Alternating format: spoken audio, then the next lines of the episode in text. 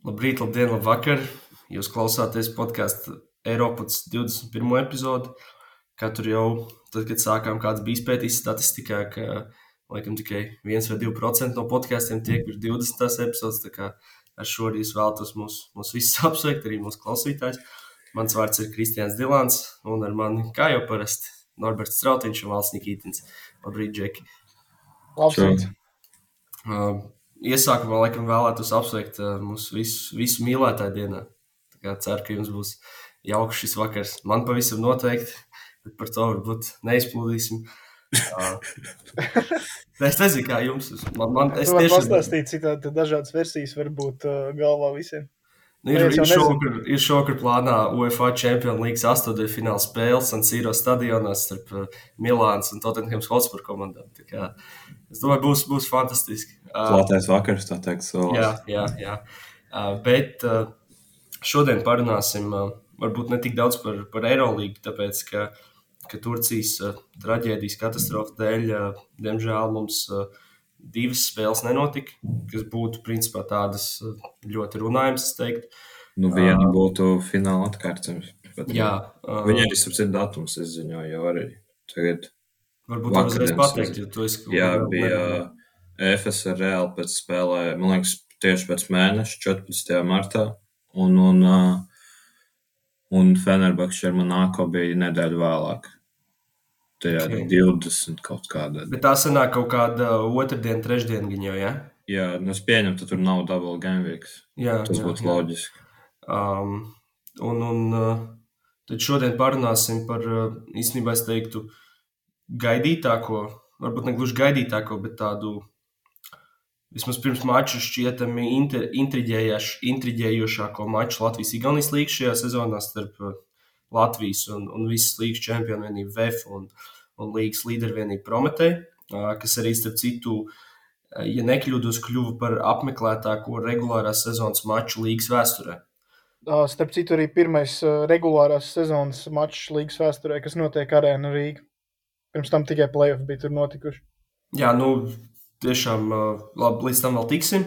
Un tad, jā, protams, arī atskatīsimies uz Eirolandu, kas, kas mums bija Eirolandā. Bet sākumā varbūt nedaudz par, par nedēļas nogalu skatītāko notikumu, es teiktu, par, par supernovu.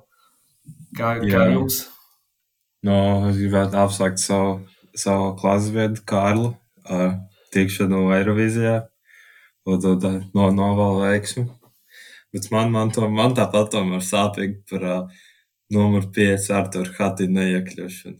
Jo, nu, man kaut kā man tas uh, viss dziesmu priekšnesums man ļoti aizrāva. Tāpēc man tāda nedaudz tāda, tāda, tāda, tāda skāba pēcguļš palikusi, es rūktu pēcguļš palikusi pēc tā. Tāpēc, nu jā, tā sāpīgi. Man joprojām galvā skan EO. bet nē, es, uh, es piekrītu arī, varbūt nedaudz žēl par Arthuru, bet, uh, ja tā pavisam nopietni, tad uh, es, es personīgi, laikam, beigās biju par, par Suddenlights, jo es neatceros, teicu to iepriekšējā epizodē vai nē, pat Riši arī varbūt tā dziesma nebija, nebija slikta, bet man vismaz tas priekšnesums likās tāds ļoti, ļoti pliekans, bez nekādas sodziņas, vienkārši uziet, uziet uz skatuves ar diviem dejotājiem un vienā punktā apstājās un, un uztaisīja pāris kustības ar rokām un, un nodzied. Bet viņas dziesmu arī joprojām atceros skan galvā. Hash, hash, baby. Jā, nu es arī pēc jūsu ieteikuma tā teikt, atradu laiku, kad ā, pievērsties um, supernovai un arī paskatījos. Uh, jūsu izceltais uh, grāns Arthurs Hatī, nu viņš uh, nodominēja. Es neteiktu, ka es vēlējos, lai viņš brauc uz Eirovīziju, bet uh, man bija prieks, ka viņš piedalījās un ka es varēju vērot uh, šo dominanci un deju kustības un izjust tos uh, labu vibes. Bet uh, es arī teiktu, ka notika varbūt labākais, kas varēja notikt, uh, ka Sadunlaits uzvarēja. Kaut kādā ziņā man liekas, ka šis tāds tukšāks gads ir, jo, piemēram, citi zēni, manuprāt, bija daudz tādi perspektīvāki un, nu, nezinu, ar lielākām izredzēm kaut ko sasniegt uh, Eirovīzijā nekā Sadunlaits, bet, uh, kā, kā es te dažreiz saku, jāstrādā ar materiālu, kas pieejams, un es domāju, ka Sadunlaits arī pelnīti uzvarēja. Es mums nekad neesmu dzirdējis, kas tā teikt. Es tagad, es tur jokojos, dažreiz ģērbtu ar komandas biedriem kaut ko runājam, un, nu jā, tas tāds iegājies. Tas Saukums. gan jau no, no Tinder iegājies. Nē, nē, nē. Bet īstenībā es piekrītu ar to tukšo gadu. Man liekas, īstenībā jau pēdējie, es nezinu, cik gadi bijuši tādi nekādi. Ok, iepriekš, nu, pagājušajā gadā bija tie citi zēni, kas bija plus mīnus ok. Es gaidīju, ka viņi būs finālā, bet netika. Bet pirms tam arī iepriekšējos tur, es nezinu, kaut kas mums nav īsti. Žēl, ka Andriu Kaviču nepielaida. Uh, nu, ne, nepielaida, netika viņš pusfinālā iekšā ar savu dziesmu, ko iespējams, ja jūs neesat dzirdējuši, es noteikti rekomendēju. Europe is my home, liekas, tāds nosaukums arī viņai ir, es tā pieņemu. Protams. Un, un tad es šito, es, es godīgi saku, es viņu noklausījos. Man vajadzēja viņu vēlreiz noklausīties pēc tam, lai es tā līdz galam novērtētu, ko Andris bija uzrakstījis. Nedaudz žēl, ka viņš nebija. Andra dziesma arī mūsu tematikai, mūsu podkāstam būtu tāda, teiksim, visatbilstošākā, jo es citēšu, tulīt viņš, kā tur bija, laikam, tur bija viena no pirmajām lirikām bija Lithuanians play basketball like wow. Tā, kā... tā bija, jā, tā Andris ziņoja. Bet tas arī nav melots. Arī šonadēļ, jā. Ja es nemaldos, tieši dzirdēju šo pirmo, pirmo reizi šo dziesmu, kad mēs braucām no Kaunas atpakaļ decembrī tieši Lietuvā dzirdējām šo leģendāro frāzi Lithuanians play basketball, like wow. jā, jā. Bet, Nē, tas ir plāni. Bet nu, viņš, viņš pats teica to, ka mēs Eirovīzijā neuzvarēsim tikmēr, kamēr viņu neaizsūtīsim. Kaut kas, kaut kādā principā vēl paralēls ar Kristofu Valteru. Kaut kādu lāstu iespējams ir uzlikt, kamēr mums, mums nekas labs nenotiks, kamēr Andris nebūs Eirovīzijā. Es vienkārši teiktu, ka varbūt Eiropa vēl nav gatava ne Andrim, ne Arturam. Viņi ir priekšā savam laikam, es gribētu arī tā, Jā, tā teikt. Noteikti. Bet uh, es īstenībā es papētīju, jau uh, ir tā mājaslapa, kas tā kā aizmirstīga, kā sauc, kur, kur ir apskatīties visas dziesmas, kas ir tur arī ir uh, bookmaker koeficienti salikti. Uh, Uh, favorīti atkal ir Ukraiņa. Es paklausījos, uh, man tā dziesma nelikās personīgi tik laba kā, kā, kā pagājušā gada, bet uh, kopumā es teiktu, ka tā kā Norberts teica, ka ir, ir tukšais gads no, no tām dziesmām, kuras jau ir izziņotas un kuras paklausījos. Un arī laikam neviena tā uzreiz neuzrunāja. Piemēram, Itāļi arī uz, no Sanremo aizsūtīja, manuprāt, sliktāko savu dziesmu kaut kādā pēdējo pāris gadu laikā. To arī Bookmaker uzreiz uh, atzīmēja, ka viņi ir, man liekas, kaut kādi 7 vai 8 tikai šobrīd. Nu, būs jāstāsta. Bet ne, nu, noteikti tas, jāskatās, tas liels, liels pasākums būs. Trīs lieli vakari būs mājā kaut kāds. Otradien, ceturtdien, sestdien, ja nemaldos. Klasika, principā. Jā, jā. Nu, tā, tā, būs, tā būs viena no tām nedēļām, kur arī aizies visu Eirovīzijas tādā zīmē, tā teikt. Varbūt Tāpēc, tur vēl, tur vēl Eirovīzijas nebūs tie laikā, varbūt vajadzēs kādu speciālu izlaidu uztaisīt. Iespējams, iespējams. Bet labi, līdz tam vēl tālu. Mārcis principā, mājas principā liels mēnesis šādiem. Tur izvēlas gan Eirovīzija, Final Four Eirolīga. Es nezinu, īstenībā pagājušajā čempionātā Eiropas futbolā arī nav. Nu, viņš ir vai no maija beigas vai jūnija pirmie datumi. Jā. Uh, tad vēl pagājušajā nedēļā, pagājušajā ceturtdienā vēl bija liels notikums uh, Nacionālajā basketbola asociācijā. Mēs par to varbūt tik daudz nerunājam, bet uh, notika tādas maiņas, par kurām man liekas, ir jāparunā. Jā, nu, Brooklyns Nets uh, atdeva savus spēlētājus citām komandām. Un... Durants Phoenixā, Dallasā, Kairijs ar Dončiču mēģina to bumbiņu sadalīt. Uh, pirmās divas spēles gan zaudēja, bet uh, nu, mēģina tur sadziedāties tie džekābi. Bet, nu jā, man tas lielākais teikums ir Phoenix, jo viņam tā sezona nebija baigi veiksmīga. Es teiktu, ka Krisam Polam arī viņš tomēr nav varbūt kā Lebrons, tas vecums nāk. Un, ja Phoenix grib uzvarēt, tad tas jāmēģina darīt tagad, un ar šo mājiņu tas ir arī tas, uz ko viņi iet. Un, es teiktu, ka vai nu viņi vai Denver arī izies no uh, Vesta, tā teikt, uz NBA finālu. Bet tur ir baigi sīvi īstenībā viss. Līdz pat kaut kādai arī maniem mīļajiem laikiem vēl ir cerības. Nu, labi, būs godīgi laika nespēles finālā. Es, domāju, es zinu tikai vienu lietu. Es zinu tiešām tikai vienu lietu. Nekad nebeto pret Lebron James. Ja viņš tiek plēnājis, uh, labi, viņš ir, viņš ir vecāks, bet kā jūs man arī pagājušajā epizodē nodēvējāt, jūs zināt, ka es viņam ticu līdz beigām. nu, jā. man īstenībā man sanāca, man sanāca skatīties vienu no tām, runāt tagad no, par Dālas, man sanāca vienu no tām spēlēm redzēt arī. Nu, ne pilnīgi. Jā, jā. Nu, es, man liekas, vienu puslaiku redzēju. Es ka aizsardzībā diezgan žoska, ja būšu godīgs. Jo tur ne Luka, ne Kairijs. Nu, viņiem ir daudz kvalitātes, bet viss ir vienā laukuma pusē. Tajā aizsardzības pusē tur eh, viņiem, man liekas, Lukam vairāk tas, ka viņš negrib. Kairijam iespējams tas, ka negrib un nevar. Tā vismaz man, man, tā, man tāds iespējas radies. Un tur viņiem bija, bija diezgan liels problēmas. Kā jums liekas, Kairijs uz, uh, uz Dallas arī paņēma līdzi to spieķeru, kur viņš staigāja Ņujorkā? Gan jau. Viņam vajag, un arī tos, uh, ko es nesaprotu, ko viņš tur dedzināja ap laukumu. Vīraks, man liekas, Jā, jā, vīraks. viņš, bet tu, tu, viņš, es Bostonā bija slikta aura. Bostonā, jā. tur- Bostonā bija slikta aura, tāpēc viņš izgāja tur. Tā, tagad viņš uz Brooklynu darīs to pašu. Bet, Bet, Bet, uh, uh, es teiktu, ka Brooklyn vienkārši atdeva. Viņiem pietika ar trīs spēlēm, lai viņi saprastu, ka, ka KD ir pārāk vecs mums jāatdod komandas atslēgas Kemam Tomasam. Tas, tas, Laikam tas ir doma gājiens. Jā. A, kā jums liekas, kā, kā jūs, piemēram, Phoenix Suns uh, izredzes tagad, uh, nu, kā jūs raugāties uz to? Es saku, es personīgi neko neesmu šogad no Phoenix redzējis, nu, tikai kaut kāds highlights, bet uh, es zinu to, ka, ka, piemēram, iepriekš, arī kad viņi spēlēja finālus pirms diviem gadiem, man liekas, viņiem liels pluss bija tas, ka viņi bija samērā dziļi un bija tāds džeks kā Mikls Bridges. Nu, viņš bija arī viens no līgas labākajiem aizsargiem. Uh, tas pats Kēms Tomas bija, man liekas, tīri normāls vings, viņš, man liekas, 3-4 vai kaut kas tam līdzīgs. Uh, man kaut kā liekas, ka viņi varbūt nedaudz pazaudē dziļumu ar to visu. Tas jā, bet tu superzvaigzni dabū vietā.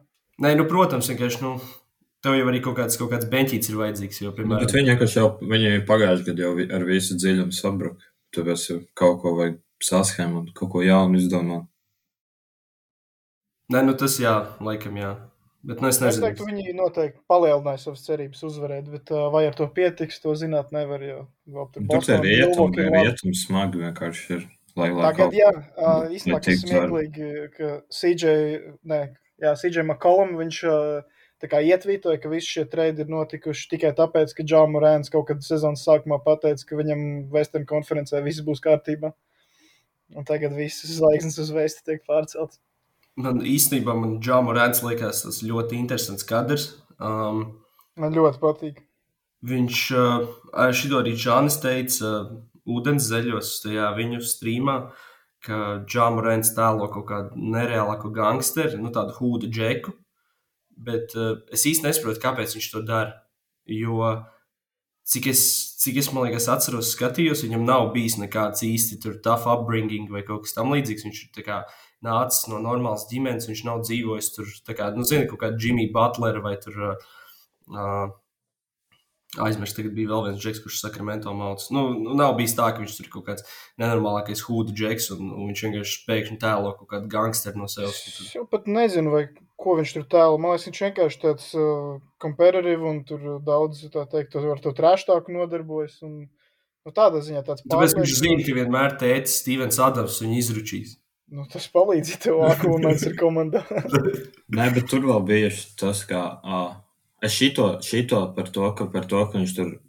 Es par to, ka viņš mētā kaut kādu gangsteru vai to, ka Viņš viņam bija- nemētāja kaut kādus tos krīpu sainus vai kaut ko tādu bet viņam to, ka viņam bija čomi kaut kāda nepareiza, kas to es dzirdēju arī Deno Žāņa. Tur bija, kā viņš sauc, Šenons Šārps, man liekas, tas bija kaut kāds. À, tas tur bija arī- tas, kurš, uh, kuram tur bija konflikts ar viņu uh, Lakeros. Lakers spēles laikā kripto arēnā.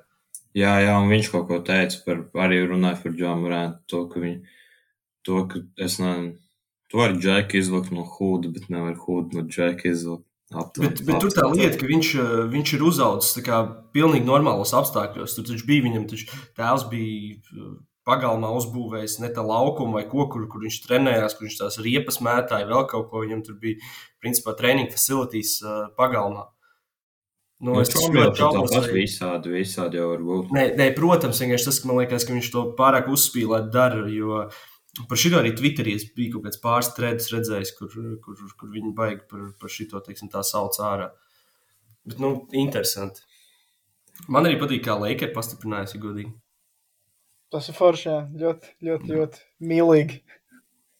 Ah, un uh, īstenībā par uzreiz jautājums par Russellu Westbrooku. Uh, vai jūs, prāt, viņš ir Hall of Famers? Jo es teiktu, ka simtprocentīgi, neraugoties uz to, kas ir noticis varbūt, pēdējās trīs, četrās sezonās. Es arī no tā piekrītu. Es arī vēl pirms, pirms tagad, kad tur bez maz vai katram ir vidēji triple double, viņš bija tajā sezonā, kad, man liekas, tieši tajā, kad aizgāja prom K2, viņš palika viens pats. Man liekas, viņam bija pirmais sezonā triple double Jā. kopš Oskara Robertsona, kas bija kaut kāda, es nezinu, cik tur 45 gadi, nu bija ļoti sen tas Kurš viņš iepriekšējais. to izdarīja, man liekas, trīs gadus pēc kārtas. Jā.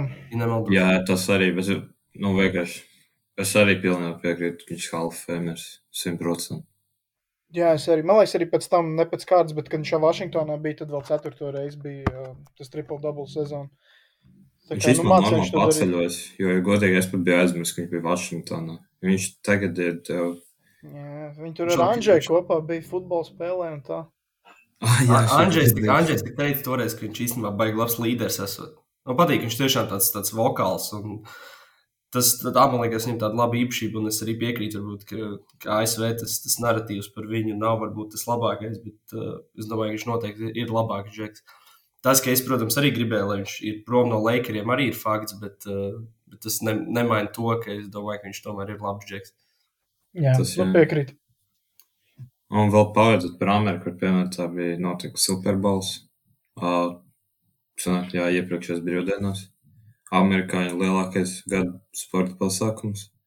Un, un par šito te es varētu pateikt, to sanāca skatīties, man liekas, trešo vai ceturto gadu pēc kārtas. Un, ja kaut ko amerikāņi viņiem nevar pārmest, tas, ka viņi nemācot pārdot, pārdot to sportu, jo tur, nu, tur tiešām skatoties to Superbowl, tas sports tur ir tā, tas ir vairāk garām ejot.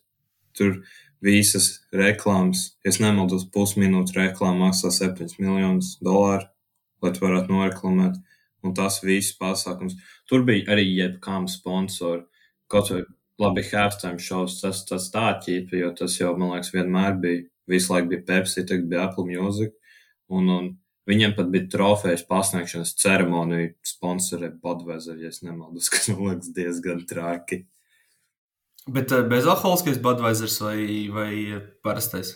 Es īstenībā domāju, man liekas, ka parastais amerikāņi jau var reklamēt. Nē, jo vienkārši Eiropā taču visur ir pār- pāriets uz, uz bezalkoholiskiem. Nē, Eiropā, Eiropā, jā, visur arī, arī, man liekas, jā, formula arī ir bezalkohols kā Heineken viņa reklamē. Nu formulā skats- būtu ļoti dīvaini, ja tas būtu. bet, nē, bet formulā agrāk jau bija normāls, nu, tagad nenormāls, tā kā parastais Heinekens, arī Winstons Agrāk reklamē, nē, Marlboro Malboro, bija. Ferrari. Jā. McLaren. Vai Ferrari? Ferrari, man liekas, bija arī. Nē, McLaren čīstu bija, es nezinu, vai Ferrari var būt. Bet tur tad tie amerikāņi tiešām māk, māk, māk visu pārdot. Bet tas, ko Tas teicu par tām reklāmām, es varbūt kļūdos, bet es kaut kur redzēju, ka ir jānesot uzstājusies par brīvu. Es, kaut, es, es, es, tas, es arī redzēju, Twitterī virsrakstu, es neatveru vaļā rakstu, bet es arī to pašu redzēju. Tur bija, es saprotu, ka tur bija kaut kas tam līdzīgs, ka viņa, es gan vēl nenoskatījos šo halftime uh, uzstāšanos, bet uh, es saprotu, ka viņa kaut kādā veidā esot plagojusi iekšā to savu kosmētikas kompāniju Fendi vai Fenty. Un ka tā, es redzēju, ka es nezinu, vai viņi ir uh, publiska kompānija, bet viņi esot uh, akciju cēnu pamatīgi, tā teikt, skyrocketojusi.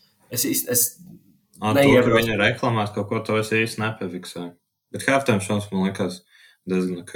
Nebija tik labs kā pagājušajā gadā. Ar, nebija labākais, ko es redzēju, bet Rihanai diezgan daudz banger ir. Tāpēc... Kaņa vests pietrūka vienīgais. Tur jau īstenībā tur, tur sāk skanēt. Viņa dziedāja All the Lights. Un, uh, Saturs mēs skatījāmies manā dzīvoklī, trīs džeki. Mēs visi, mēs visi gaidījām, varbūt kaņā iznāks. bet, bet nu, ne, nav, nevar tā, nav iespējams šitā. Nu, Kā tu teiksi, kas ir, kas ir labākais uh, puslaika šovs, ko tu esi redzējis? Nu, Es viņus nesu tagad tik nereliedzināts, bet gan jau likt pagājušajā gadā.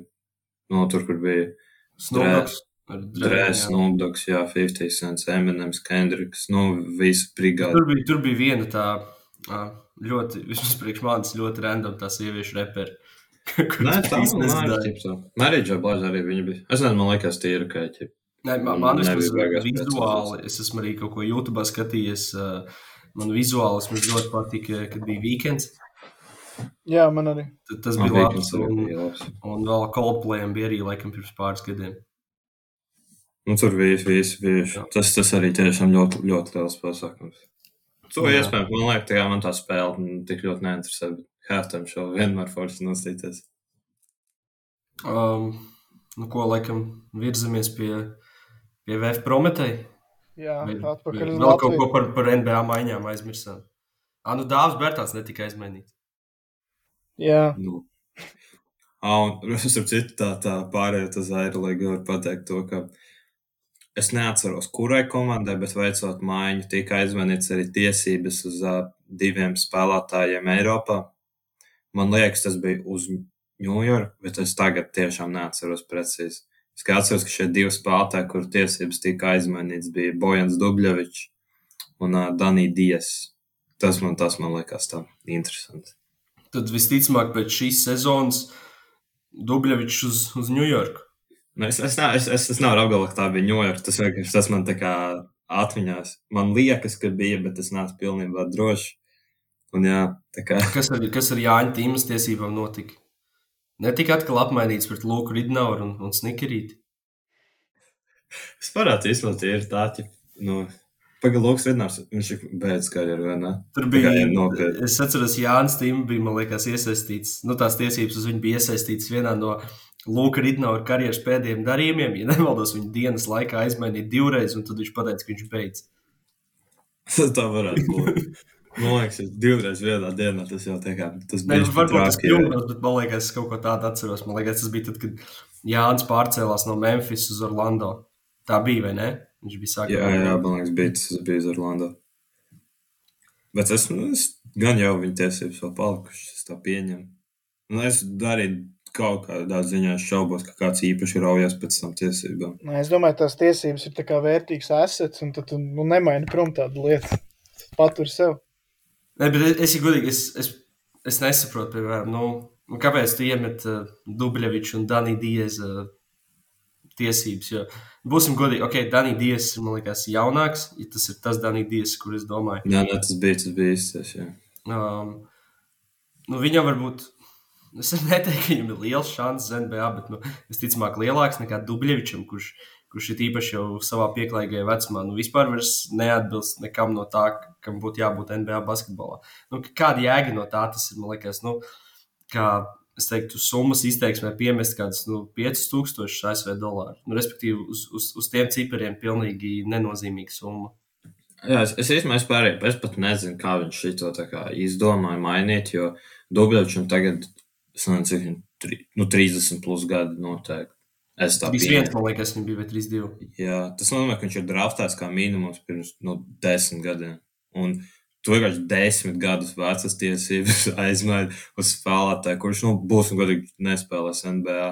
Tāpat tas pats ar Daniju Diezu. Nu, come on, nu, viņš silti beņķu Baskonijā. Tagad nu, ne jau viņš aizbrauks uz turieni un spēlēs. Tā vienkārši nenotiek dzīvē. Es, ar, es nezinu, kāds šito vispār saskēmot. Tas ir Dubļevičs kungs, uh, 2013. gada 59. piks.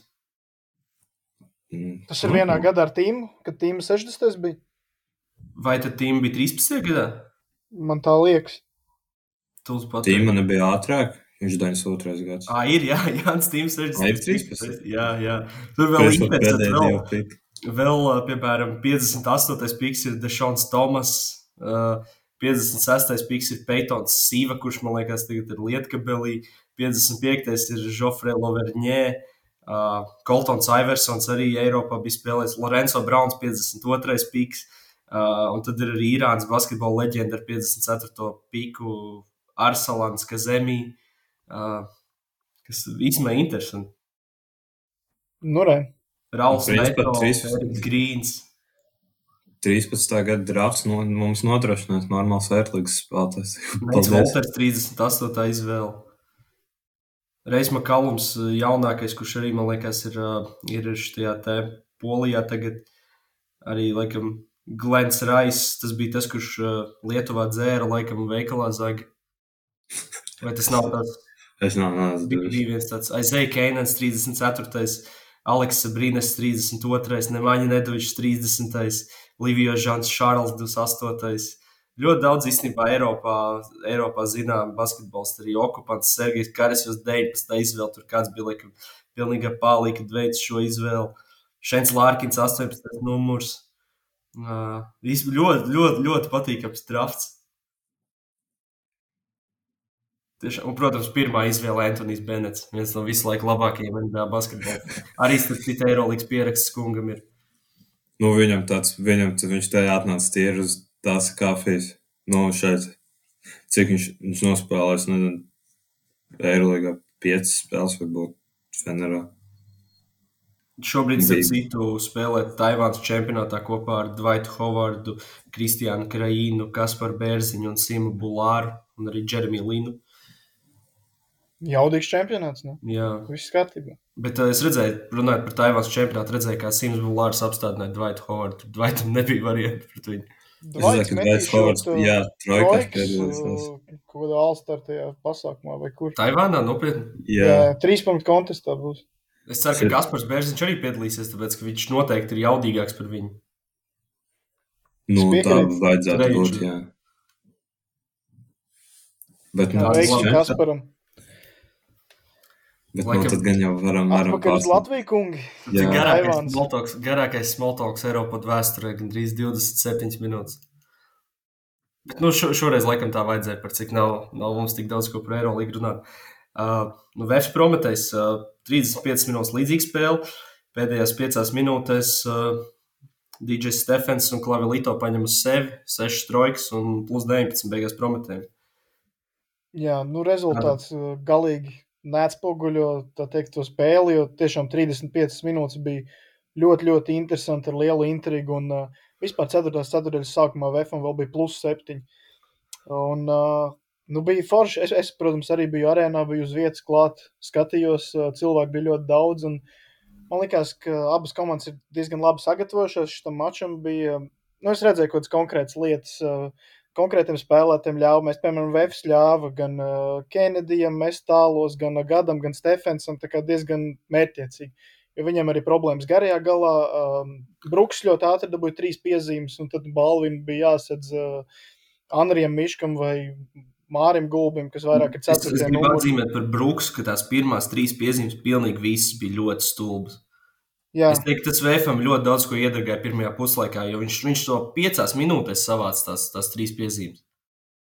Un jā tur nu, bija ļoti ātri. Un, Un, un baigi, baigi tāds. Protams, redzēju, ka viņš arī pats pārdzīvoja, arī, arī Jānis Gailīts nebija priecīgs, bet nu, tās pat nebija. Zini, kā tur, piemēram, tu sēdi tādu bolvinu, nu, tur, es nezinu, gaisā, labi, viņš baigi jau augstu, viņš neledz, bet nu, kaut kādās cīņas epizodēs, kad viņš tiešām tur ar spēku, nu, ka tur baigā gaļa ir groza apakšā vēl kaut kas, bet tur bija viens, viņš, viņš gāja, viņš dabūja over the back, vienā viņš kaut ko tur knapi nogrābsties, tur arī es, tā bija trešā piezīme, starp citu, kuras arī es gribētu varbūt Rītvaru Helmsteinu izcelt, kurš man liekas šo te nosvilpa, nu, es nezinu, ļoti tāda dīvaina lēmuma. Tas pats arī, kur bija, man liekas, pēc tam Andrijs sedz Bolvinu, un uh, Bolvins vienkārši pats nokrita, noflipoja, un viņi iedod Andrijam Jā. piezīmi.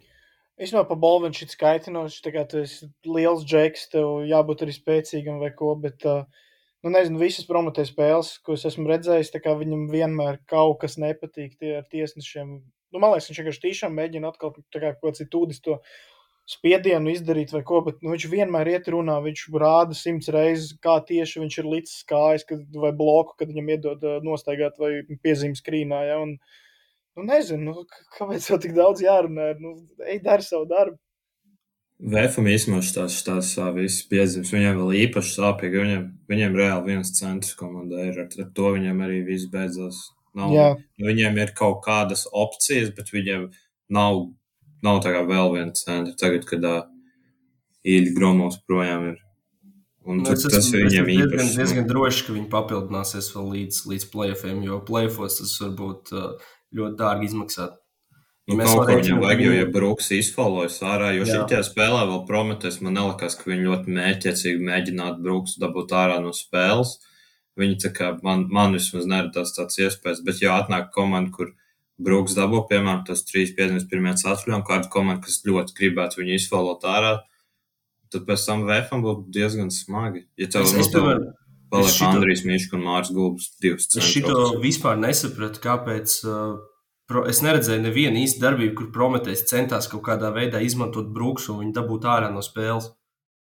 Tas man likās ļoti interesanti, jo, jo šādā mačā, uh, it īpaši, kad vēl bija, vēl bija spraigs rezultāts, labi, varbūt viņi ticēja, ka tur, ka tur Stefans izies no stēgera un no otrā stāva iemetīs tās trojkas, bet uh, es nezinu, es, es kaut kā man liktos loģiskāk, ja viņi censtos viņu dabūt ārā, jo viņš arī vismaz pagaidām nav sev pierādījis, kā, kā tas džeks, kurš tiešām varbūt var pacietīgi nospēlēt. Un es domāju, ja tu kā mērķiecīgi mēģinātu viņu dabūt ārā no spēles, viņš kaut kādā brīdī salūst un, un kaut kur uzsist to piezīmi.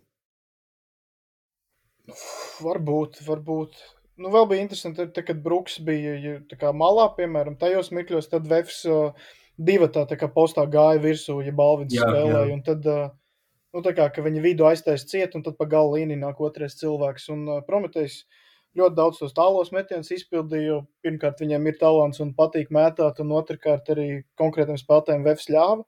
Un, uh, sākumā, pirms tas strādāja, Stefans visus savus pirmos tālmetienus nevarēja iemest. Uh, Mēs tur tribīnēs kaut ko visu laiku teicām, nu, tā kā Danko beidz mētāt tos tālos. Bet, nu, tad 4. ceturtajā tad jau viņam, tad jau viņam aizgāja, viņš tur iemet visas pēdējās, un tāpat arī Klavalita. Un varbūt arī kaut kādā ziņā, nu, es teiktu, ka nevienmēr tas ir, nezinu, precīzs indikators par spēlētāju darbībām laukumā, bet es teiktu, ka varbūt šajā spēlē tas plus mīnus arī ir adekvāts, ka Bruksam atrodoties laukumā, VFM ir plus 4 un tad sanāk, ka neatrodoties laukumā ir mīnus 23. Tā kā ir ļoti, ļoti grūti, ka tev ir nezinu, tāds balvins pretī, un tev ir viens centrs, un to var redzēt.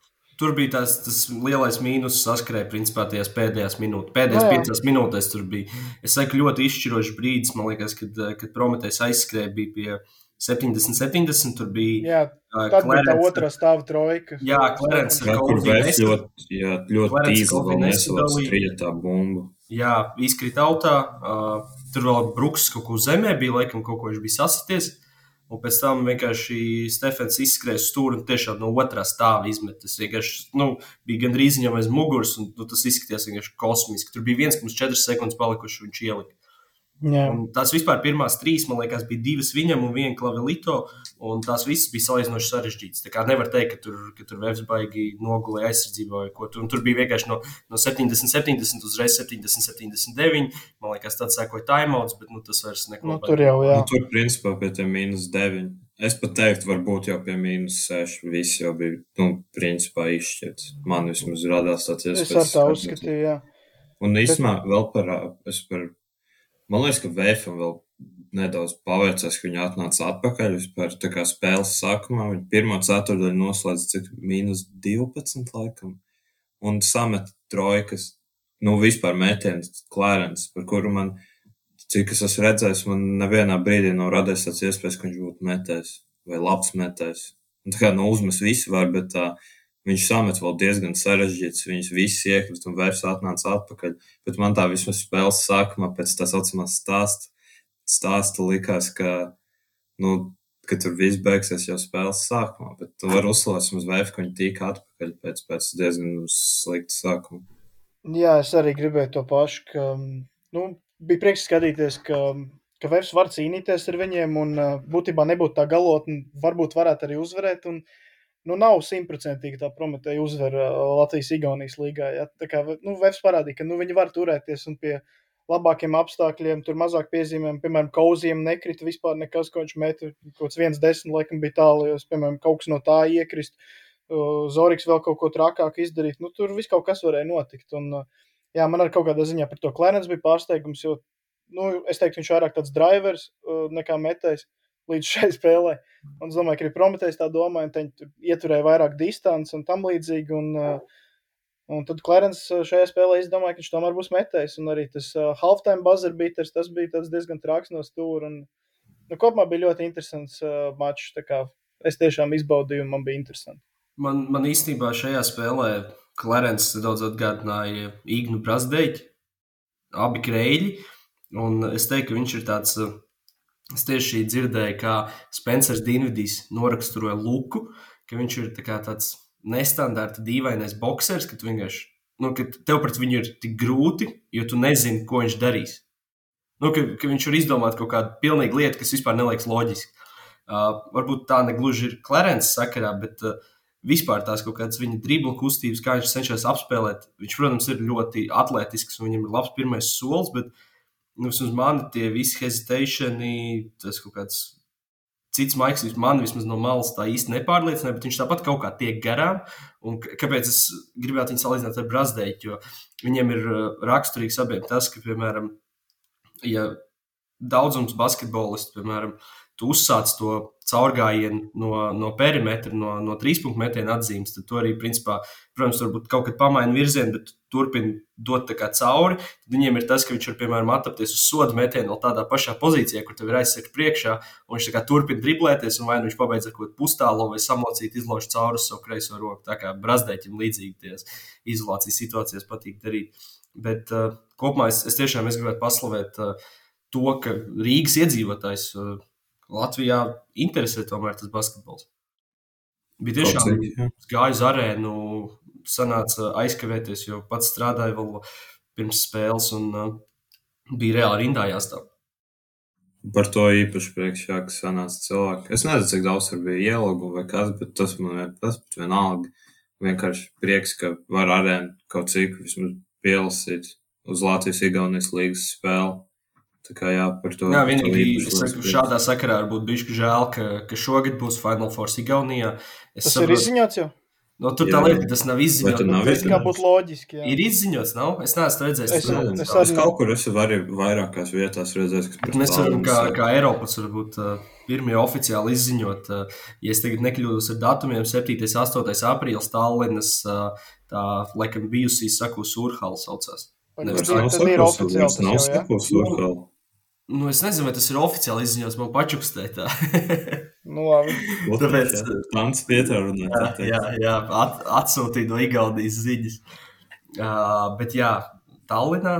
Uh, tāpēc es saku žēl, jo es teiktu, ka šogad uz Final Four varētu pievākt vēl vairāk cilvēku.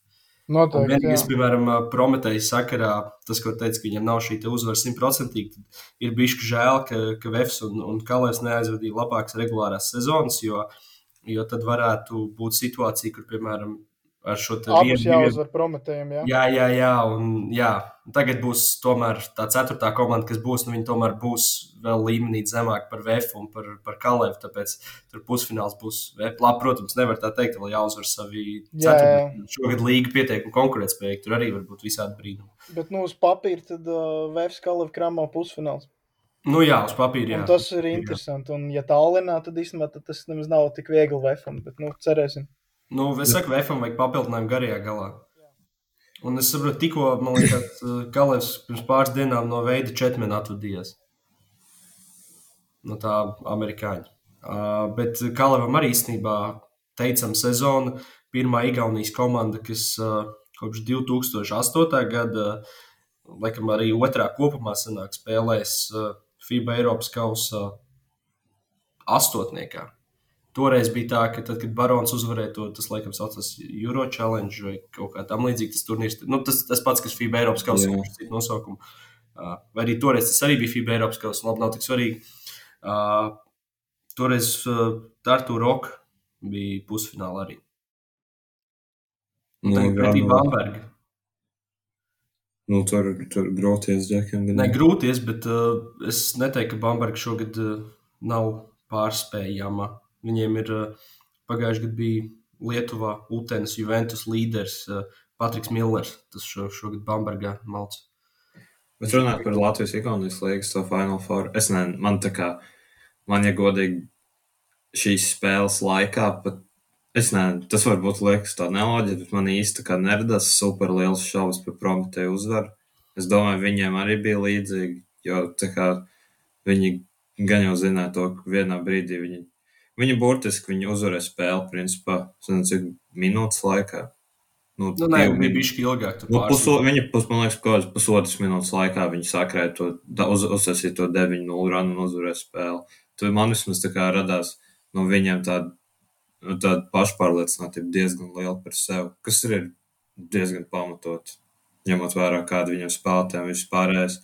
Tāpēc es domāju, ka vienīgā, vienīgā manuprāt, vienīgā reāla iespēja, kā viņi var neuzvarēt Latvijas-Igaunijas līgu, ja tajā laikā kaut kad iekrīt, iekrīt viņam Eiropas playoff ap kaut kur es nezinu, nākamajā nedēļā vai pēc, pēc Final Four vai kaut kas tāds. Tas ir vienīgais, ja godīgi variants, ko es redzu, ka viņi varētu neuzvarēt.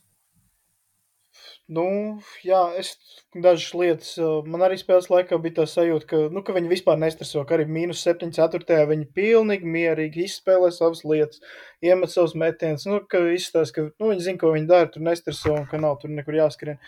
Un, bet uh, es atgādināšu, ka Tallinā viņi zaudēja jau vienreiz uh, Kalifu Kramo. Tā kā, nu, nav, nav tik viegli.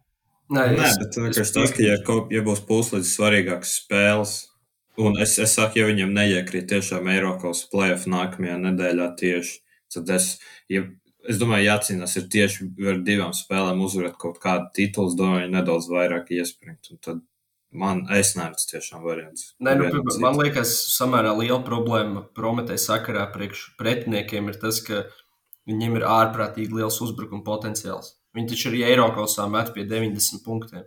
Un, piemēram, Nevēl skrien arī. Jā, nu, grūti tīpaši VFam, kuriem maz rotācija ir tagad. Šajā mačā, piemēram, viņiem 40 izpildīja tālmetienu, 15 precīzi, 38% precizitāte. VFam tikmēr 7, 24, knap 30%.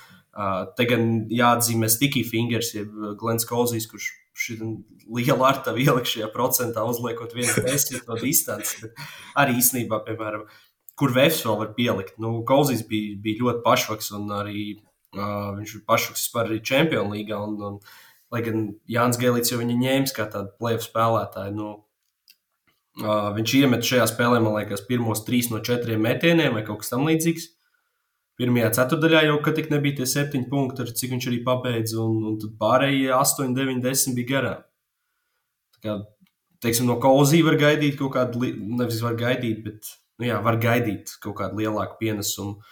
Uh, Un, ja, ja tev uzkrīt tālmetieni, nu, piemēram, labi, protams, nav jēgas šādi modelēt, bet, ja, ja Prometējs nebūtu, ja Stefans un, un Klavelīto nebūtu izšāvuši, nu, tev aiziet līdzīgi galot, nu, nu nav tā, ka, ka Vēfs tur būtu pilnīgi nevarīgi. Nu, būtu, nu, jā, bet ja, ja, ja nebūtu, izšā, piemēram, nebūtu izšāvuši Klavelīto un Stefans, būtu izšāvuši Kenedijs un Gadi, nebūtu šī tie izšāvuši, tad būtu izšāvuši Sanons ar balva. Ja nebūtu šī tie, tad būtu vēl Dikijs ar, es nezinu, Lukašovs. Viņam vienkārši viņam ir tik daudz šī to visu kadru, kas var izšaut. Ka...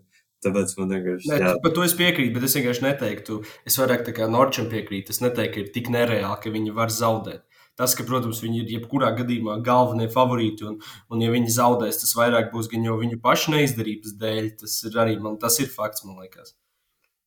Jā, nu, pabeidzot vienkārši tas, ka atšķirības starp Prometēm un visām pārējām komandām šajā līgā. Es teiktu, ka ir tāda, ka viņiem vienkārši ir uh, 12 uh, tiešām lieliski kvalitīvi spēlētāji, kur tagad te uznāk soliņš laukumā, to spēle nepaliek īpaši sliktāk. Un, uh, Tur citām komandām, nu, Vēfam, piemēram, manuprāt, ir milzīga atšķirība starp soliņu un starta piecinieku. Jā, tu izņem ārā Zoriku un visus pārējos. Nu, viņam īstenībā nav arī soliņu, viņam nemaz nav, man liekas, desmit cilvēku rotācija. Tur tas soliņš. Nu, var, var, bet, bet, bet, jā, nu, nu, tā kā tas pats arī visām tur igauņu komandām. Ir labs starta piecinieks, bet tad no soliņa tur jau sākas kaut kāds, nu, ir cita, cita tomēr līmenis. Un, nu, jā, tā ir liela prometēja priekšrocība, tāpēc viņas tik grūti apturēt, jo nav tādu vājo posmu.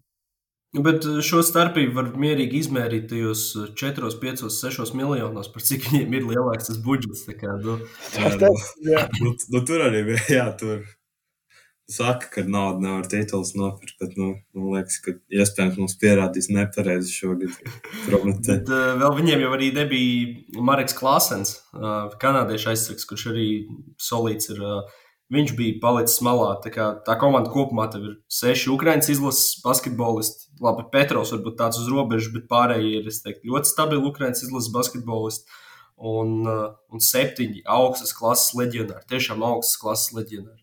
Viņi, ap citu, viņi nav samaksājuši par tas klases, ne viņi nav samaksājuši par Sefeto leģionāru vietu. Kas īstenībā viņi pat nav tik dārgi, ja es nemaldos, jāmaksā bija 7000. Jā, jā. Un viņi tas ir 7 miljonu budžets. Es nezinu. Labi, es varbūt varbūt... neredzu baigo jēgu vienkārši Latvijas Igaunijas līgā uz septiņiem leģionāriem. Tas ir varbūt. viens, bet otrs, es domāju, varbūt arī tas, ka kaut kāds, nezinu, uzstādījums varbūt no, no komandas vadības vai kā, ka vienkārši, nu, mums tomēr ir tie seši ukraiņi, kur arī, nu, Viņa jebkurā citā komandā būtu viena no līderiem, jebkurā gadījumā, ja ne paši, paši labākie spēlētāji. Nu, varbūt jā, izņem, izņemot Petro. Uh, Kā to tas Petrovs neuzrunāja? nu, nē, nu, es būšu godīgs. Viņš ir šajā komandā 12. spēlētājs, viņš ir trešais centrs. Nu, nu, nu, nu, nu nav, nu, viņš arī VFā nebūtu pamatcentrs. Skaidrs. runājot par tiem ukrāņiem, jāatzīmē, ka šī tajā spēlē var ko uzla- uzslavēt VF, ka viņi lika prometējiem pietiekami ilgi turēt laukumā visus leģionārus. Jo, piemēram, ā, piemēram Ivans Skačenko neizgāja laukumā, Lukašovam 12 minūtes, Lipovijam 10, ā, Petrovam minūte 57 un Sidorovam nepilnas 9. Bet ko var atzīmēt par Petro? Viņš nospēlēja minūti 57, un viņam ir mīnus 10 plus mīnus. Viņš bija tajā, man liekas, pirmā puslaika, tajās pēdējās divās minūtēs, kur VFS ielika tos desmit punktus. Jā, jā, tā varētu būt. Bet, nu, šitie, par ko jāvar vēl uzsvērt, ka viņi lika tiem, ā, nu, visiem, visiem labiem leģionāriem būt Strādāt līgums. Tā, tiešām strādāt. Un tur arī, arī viņam nedaudz nepēc. Kenedijs bija pirms, pirms šīs spēles, viņš bija ā, 12% metēs trojkās. Tagad viņš Tāpēc viņam arī ļāva ceturtdaļā gāzt ir visu laiku divas. mērķiecīgi. jā. Nu, jā, bet viņi, labi, labi, ok, Kenedijs, jā, bet ko teicu, piemēram, pirms tam Stefans, Stefans ļoti labs metējs. Jā, man arī liekas, Latvijas tas ir. Procenti, Igaunijas-. Viņam Latvijas Igaunijas līgājums nemaldos, ka šos septiņi ir nereāls cipars. Viņš Eiropas arī ap 40. Bet es teiktu, uz aci vienkārši tad, kad tu redzi, cik viņš ļoti, ļoti atletisks ir. Un tu zini, ja viņš tiks sodlaukumā, viņam būs bumba rokās, tu saproti, ka tur ir pilnīgs briesmas. Un, uh, nu, tad vienkārši nu, labāk, lai viņš met no otrā stāva tos savus tālos. Un sākumā arī strādāja. Bija, man, es nezinu, vai viņš visas pēdējās četras iemet, bet uh, nu, pirma, nu, nezinu, bija 0,4, 0,5 kaut kas tam līdzīgs sākumā. Nu, tā, kad aizgāja, tad jau vairs neko. Kā jums liekas, to. ku- kurš izmet tā kā augstākā punktā bumbu? Stefans vai Kristaps Porziņš? Vai Jānis Blūms? Nu, nē, nē. Nu, labi, Jānim Blomam grūti šeit konkurēt. Jānis Blūms ir īsāks par abiem, un, uh, un, un viens ir, es teiktu, labi, abi ir atletiskāki. Gan labi. KP, gan, gan Stefans. Es nezinu, cik Stefans Gars viņam varētu būt kaut kas 205. Nē, viņš ir uh, Vai viņš nav 98. Nopietns? Viņš 98. tik īsi. Jā. Labi, labi, ne cik ne īsi. Michael, Michael Jordan augums 6'6. Nu, vot. es teiktu, ka Stefans met augstāk. Es Porziņš ka viņš tur uzliek uz pierītes un met vienkārši. Nu, Bet viņam, viņam pierīt ir 2,20 virs zemes. Tā nav pierīt, tā kā mums viņam ir no pierīt normāla augstumā. Ir. Bet rēķini, ja Stefans uzliek 20 centimetrus augšā metot, tad viņš arī tur jau ir. Es domāju, viņš uzlika ne tikai 20. Nu, re. arī KP var nemet gluži kā Ovs Helmans. Viņš arī drusku palicās. Nē, protams, atkarīgi no logo viņš tādā, tādā paliecieniņā, bet tā jau viņš, norm, nu, labi, viņš nemet tiešām tādā lēcienā, bet viņš palicās kaut kas. Man liekas, neviens nav tādā lēcienā. Tur, tur ir grūti konkurence atrast. Labi, KP arī būsim godīgi, viņam nav jāmet baigajā lēcienā, lai viņa metiens būtu nenosacījums. Nu, Jā. tas ir arī ļoti patīkams bonus, ka tev 2,20 arī jā, tad diezgan grūti no, no, no, no, nosakt tavu metienu. Te es tikai gribu atgādināt par Eirolīgu, kad bija um, nesen uh, Baskonija ar FS spēlēja un pēdējā sekundē plaisas meta trojku un, uh, un Tomsons viņu nobloķēja. Un cik plaisas garš ar kaut kāds 2,20 kaut kas tāds. Tuvu tam, jā, 12 taču ir. Nu, apmēram. Nu, iedomājies, tad tu esi 2,12, tu met trojku un tev nosmeļ mazais. Labi, tur īstenībā ir labi. Labi, tur viņš zināja, ka metīs, un Tā tas bija, tā bija diezgan neloģiska situācija. Nezinu, kāpēc vai plēsis bija laukuma, viņš nebija spēlējis diezgan ilgi. Tur viņi izlaiž. Mēs game winner. Labi, tur ok, tur noju kombinācija, bet tāpat fakts kā tāds. Jā, Man vēl, vēl divas lietas, ko es gribētu atzīmēt par VF Prometēju. Tas, ka man liekas, ša- šajā mačā drusku pietrūka kāds sulīgāks Stefans Danks. Atcerieties, ko viņš pēc klāta bija pietiekami solīgi. Nu, tā kā, vismaz man nu, nebija tā kā ļoti iespējams, bija tā kā no. klasiskie. Tas, tas pirmās spēles danks šādā arēnā būtu perfekts bijis. Jā, Jā. Bet viņam bija viens, kas tā kā neizsās tik atletisks, bet tā kā ņemot, vērā- viņš, ā, es nemaldos, viņš savāca uzbrukumu rebound kaut kurā uh, soda laukumā. Viņš aizstiepās līdz tam Jā, jā, viņš Jā, un tad viņš vienkārši kaut kā viņš ielika to danku iekšā. Tas, tā kā, tas var būt tā kā neizstāst tik super iespējīgi, ka te viņi pārējie, bet man liekas atletismas viņa arī ļoti grūti tādu danku ielikt. Ei, bet uh, vēl interesanti, ka. Nē, es aizmirsu, ko es gribēju teikt. À, nu, ka, à, tas, ko uz viņu skatoties, ir īpaši dzīvē. Jā. Televīzijas ekrānā varbūt tik ļoti tas tā neliekas, bet dzīvē man šī bija laikam pirmā prometē spēle. Šo, jā, laikam, jā. Uh, tas izskatās tik viegli. Effortless, vienkārši. Nu, tas ir ārprāts, cik viņš ir atletisks. Viņam nereāls kājas ir.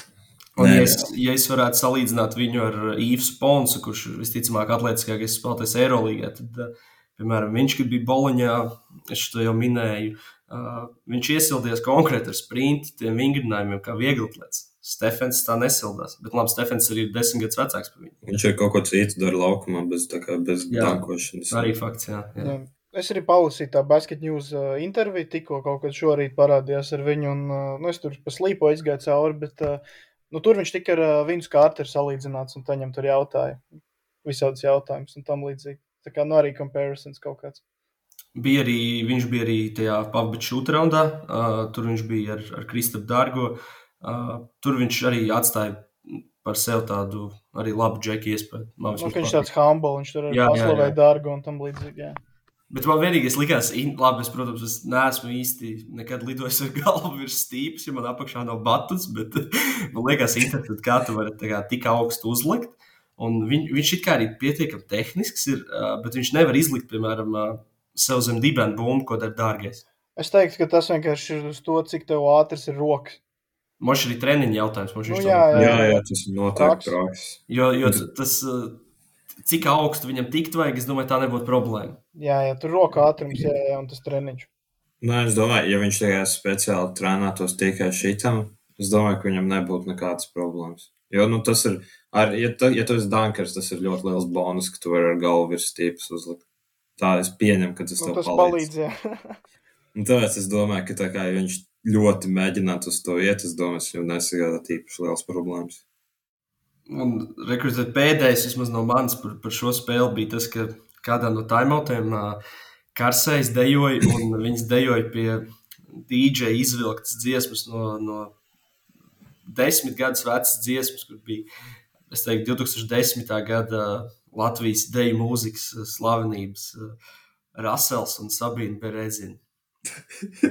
Es neatceros, kāda dziesmas sauc, bet es atceros, ka ir brīva. Viena no šīm. Neko nelaid vējā. Tā ir viena no 2010. gada vasaras hīts. Mūsu jaunības diena dziesma. Forši. Tā kā DJs bija, bija arī labi sagatavojies. Labi, tur jau dēļ arī bija, bija trenēta pie šīs dziesmas. Bet, nu, jā. Kopumā jā, ļoti, ļoti forši arēnā, ka kaut kas tāds notika. Žēl vienīgais, jā, ka laikam pēdējo reizi šajā sezonā. Es ceru, ka uz fināla sēriju varbūt, fināla sērija varbūt būs arēnā. Kaut gan es nezinu. Es arī esmu šaubos, jo, jo tu pret Vēnspilnu bija OSC, jā.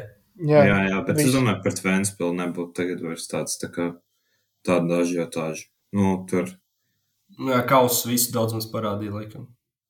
Nu jā, nu, mums kaut ko, es teiktu, ka mums, mums Rīgā pietrūks kaut kāds zāles, kas ir kaut kas pa vidu starp OSC un arēnu. Nu, Būvēt tagad.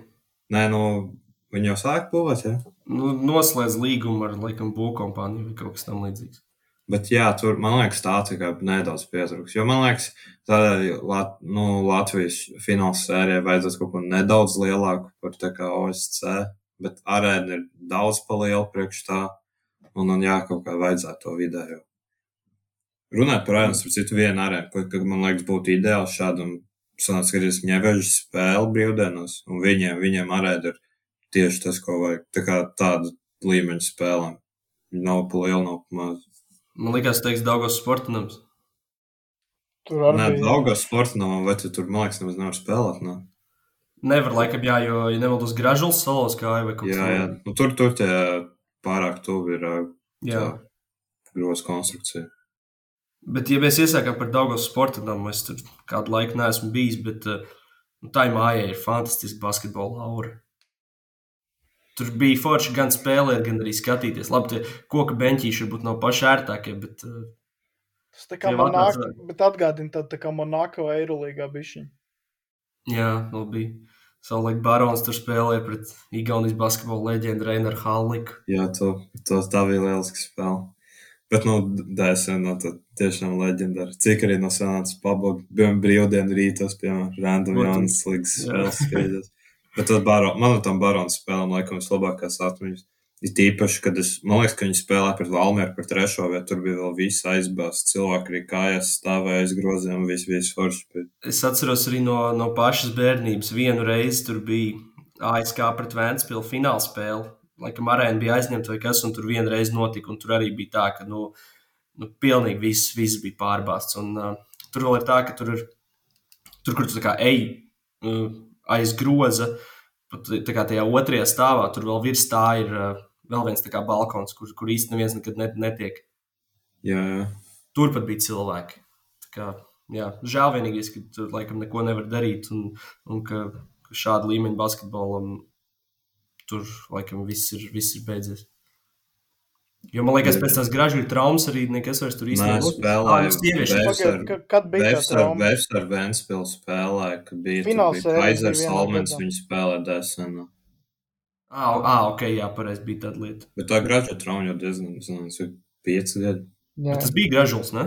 Jā, jā, jā bija gražuls. To es atceros, jā. Bet man liekas, pēc, ah, ne, pēc tam, es neatceros, vismaz pēc tam vēl barons bija vai nebija. Es zinu, ka sieviešu izlases tur ir spēlējis, man liekas. Nu, jā, bet sieviešu ilas, es domāju, tas prasības nedaudz mazāks, jo tur nav, jā, jā. nav, nav tik atklāts basketbols. Vienkārši tur tagad tāds, tev nevajag tik daudz vietas. Pagaid, mums ir jāparunā par sieviešu izlasi. Anna Steinberga. Jā, jā, jā. Varam apsveikt. Anna Steinberga. Ārprāts. Labs darbiņš. Tas ir performance. 37 punkti. Nu, es nezinu, ko, ko tur teikt. Nē, man, man šajā sakarā es bišku kaut ko atkārtojumā redzēju. Man ir jautājums par to Amandu, man liekas, pareizi izrunāju, Zauī. Uh, es atceros, pirms pāris gadiem viņa bija bezmazliet viena no Eiropas lielākajām zvaigznēm. Un mums bija arī milzīgs problēmas viņu apturēt. Kas ar viņu noticis? Tagad tā viņa tur kaut kāds nesmugs gājiens pret Kitiju Laksu taisīja vēl kaut ko, un nu, nelikās vairs tik dominējoši. Nā, tur pret Kitiju Laksu bija diezgan, diezgan, diezgan debils. Es nezinu, to speciāli darīja vai netiešām. Nu, gadījumā stulbi. Nu, es... es neesmu sākājis karjeras gaitā, man tā grūti, grūti nokomentēt. Būs. Tu esi no sieviešu basketbola lietas. Nē, nē, nē. Es, es pirms olimpiādas šajā 8. gadā, laikam, Spānijā biju uz olimpisko kvalifikāciju, kad mēs tur uzvarējām un arī tikām uz olimpiādu. Tā kā tad es atbalstīju mūsu meitenes. Tagad es tā mazāk tikai pieslēdzos, kad ir spēles, bet Es izdomāju tikko par Anētu Steinbergu comparison, un es teiktu, ka viņa varētu būt kā uh, Jānis Atatu Kumpo NBA vīriešu basketbolā. Tā viņa izlasē pie mums mauc. Vienkārši pārāk stipri, ja var jebkuru pretinieci vienkārši, nu nezinu, izgrūst un iemest, apspēlēt, izčakarēt, un tad, kad aiziet no tuvuma visu metienu, tad jau tālī ar sāk krist un nu, viss notiekās. Viņa, starp citu, ir arī tā, kas ir 30 eh, acis amerikānietēm ielikus, kas arī ir, manuprāt, eh, ļoti iespaidīgi. Nu. Viss cienīt.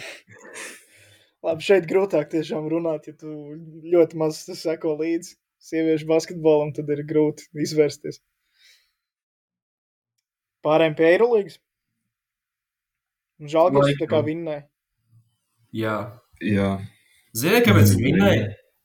Jau mājās spēlē. Nē, tāpēc, ka bija uh, UFC tīkls un uh, Roza Namajūna bija ieradusies, uh, kur arī, kā es saprotu, kaut ko runā lietviski. Un, uh, es redzēju video, kur viņi bija pirms spēles ģērbtuvē, un viņi noskaitīja pozitīvās afirmācijas. Un viss žēlgājis kopā skaitīja, laikam, izņemot roli un Edgars Lano, ja es pareizi saskatīju ģērbtuvē, kurš, kurš tur runāja līdzi viņas afirmācijām. Bet, uh, Kavārijas Heis bija, bija ļoti iekšā šajā procesā, un viņam, man liekas, tas, tas palīdzēja.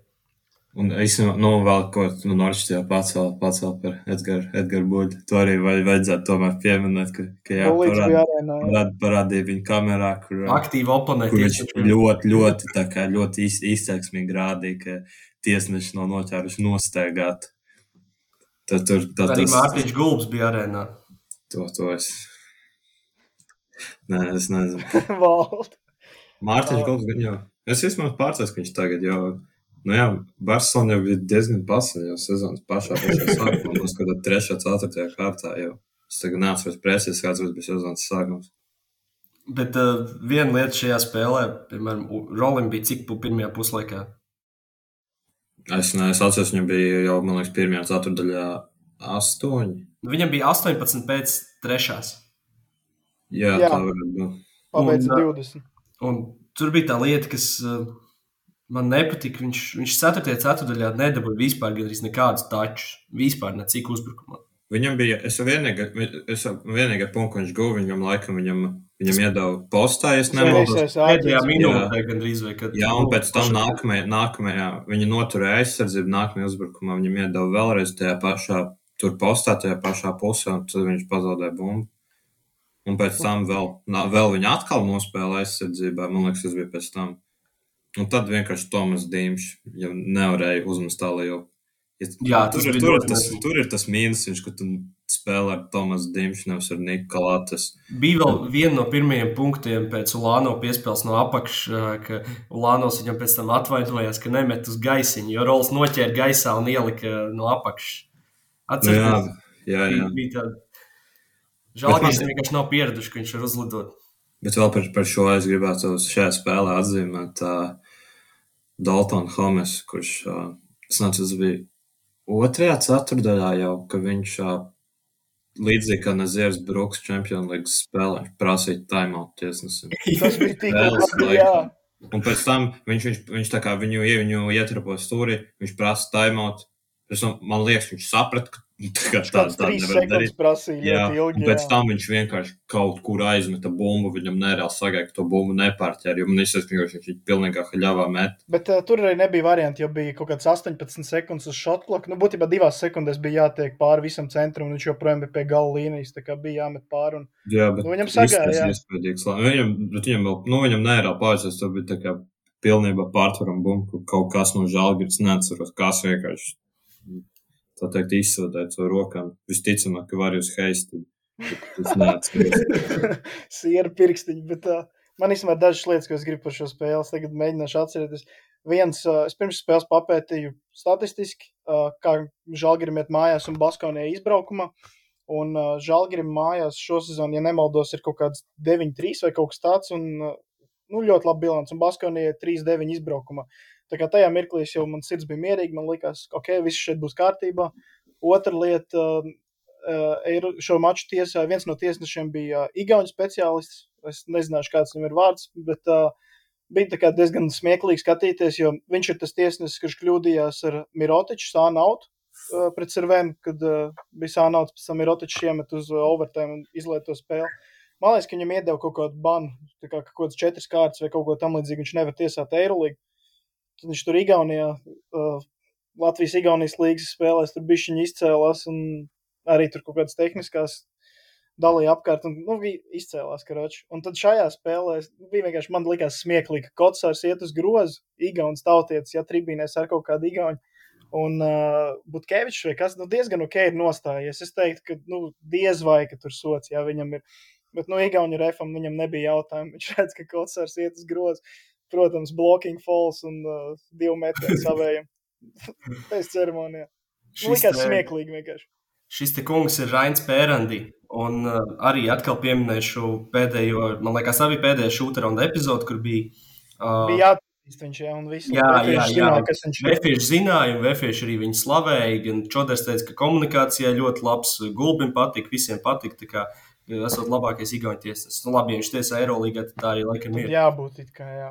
Bet runājot par Igauniem, esot līdz pat 2000 Igauniem bijuši. Un arī viena no retajām spēlēm, kur uh, Žalgiris mājas spēlē pat caur televizoru, varēja dzirdēt ovācijas pēc, piemēram, Kotsara Danka vai nu, jebkādas epizodes.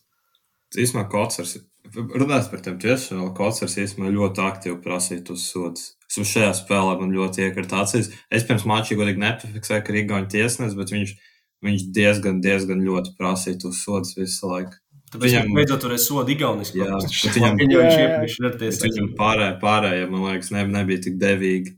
Un tu vismaz Igaunijas faniem priekš, ka viņus atalgoja Kotsars, es nezinu, 11 punktus. 12. Sanders Rajas gan bez īsāka brīdi laukumā, bet viņš arī divus, nu, vismaz divus punktus iemet. Un, un arī Latvijas līdzistējiem prieks, kas bija sabraukuši. Rols bija labs. Diemžēl Arturs Kurats nespēlēja traumas dēļ. Bet, nu, kopumā viņi visi forši. Arthurs, Jā. kurš, starp citu, tieši pēc desmit dienām būs pie manis. Nu, sauc uz Eiropu.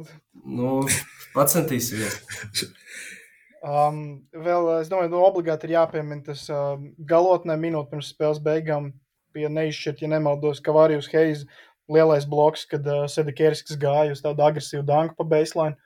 Un uh, nu, tiešām fantastisks bloks, kas arī iespējams bija tā liktenīgā epizode, kad Žalgis noturēja aizsardzību un jau pēc tam aizgāja spēli. Un, uh, nu, ļoti, ļoti svarīga epizode un iespējama. Bet es man turpat grūti kaut ko pārmest Kerskim, jo man liekas, ja tu šī tā danka jau pēdējā minūtē, tad es ticu, manuprāt, uzvarēs spēli.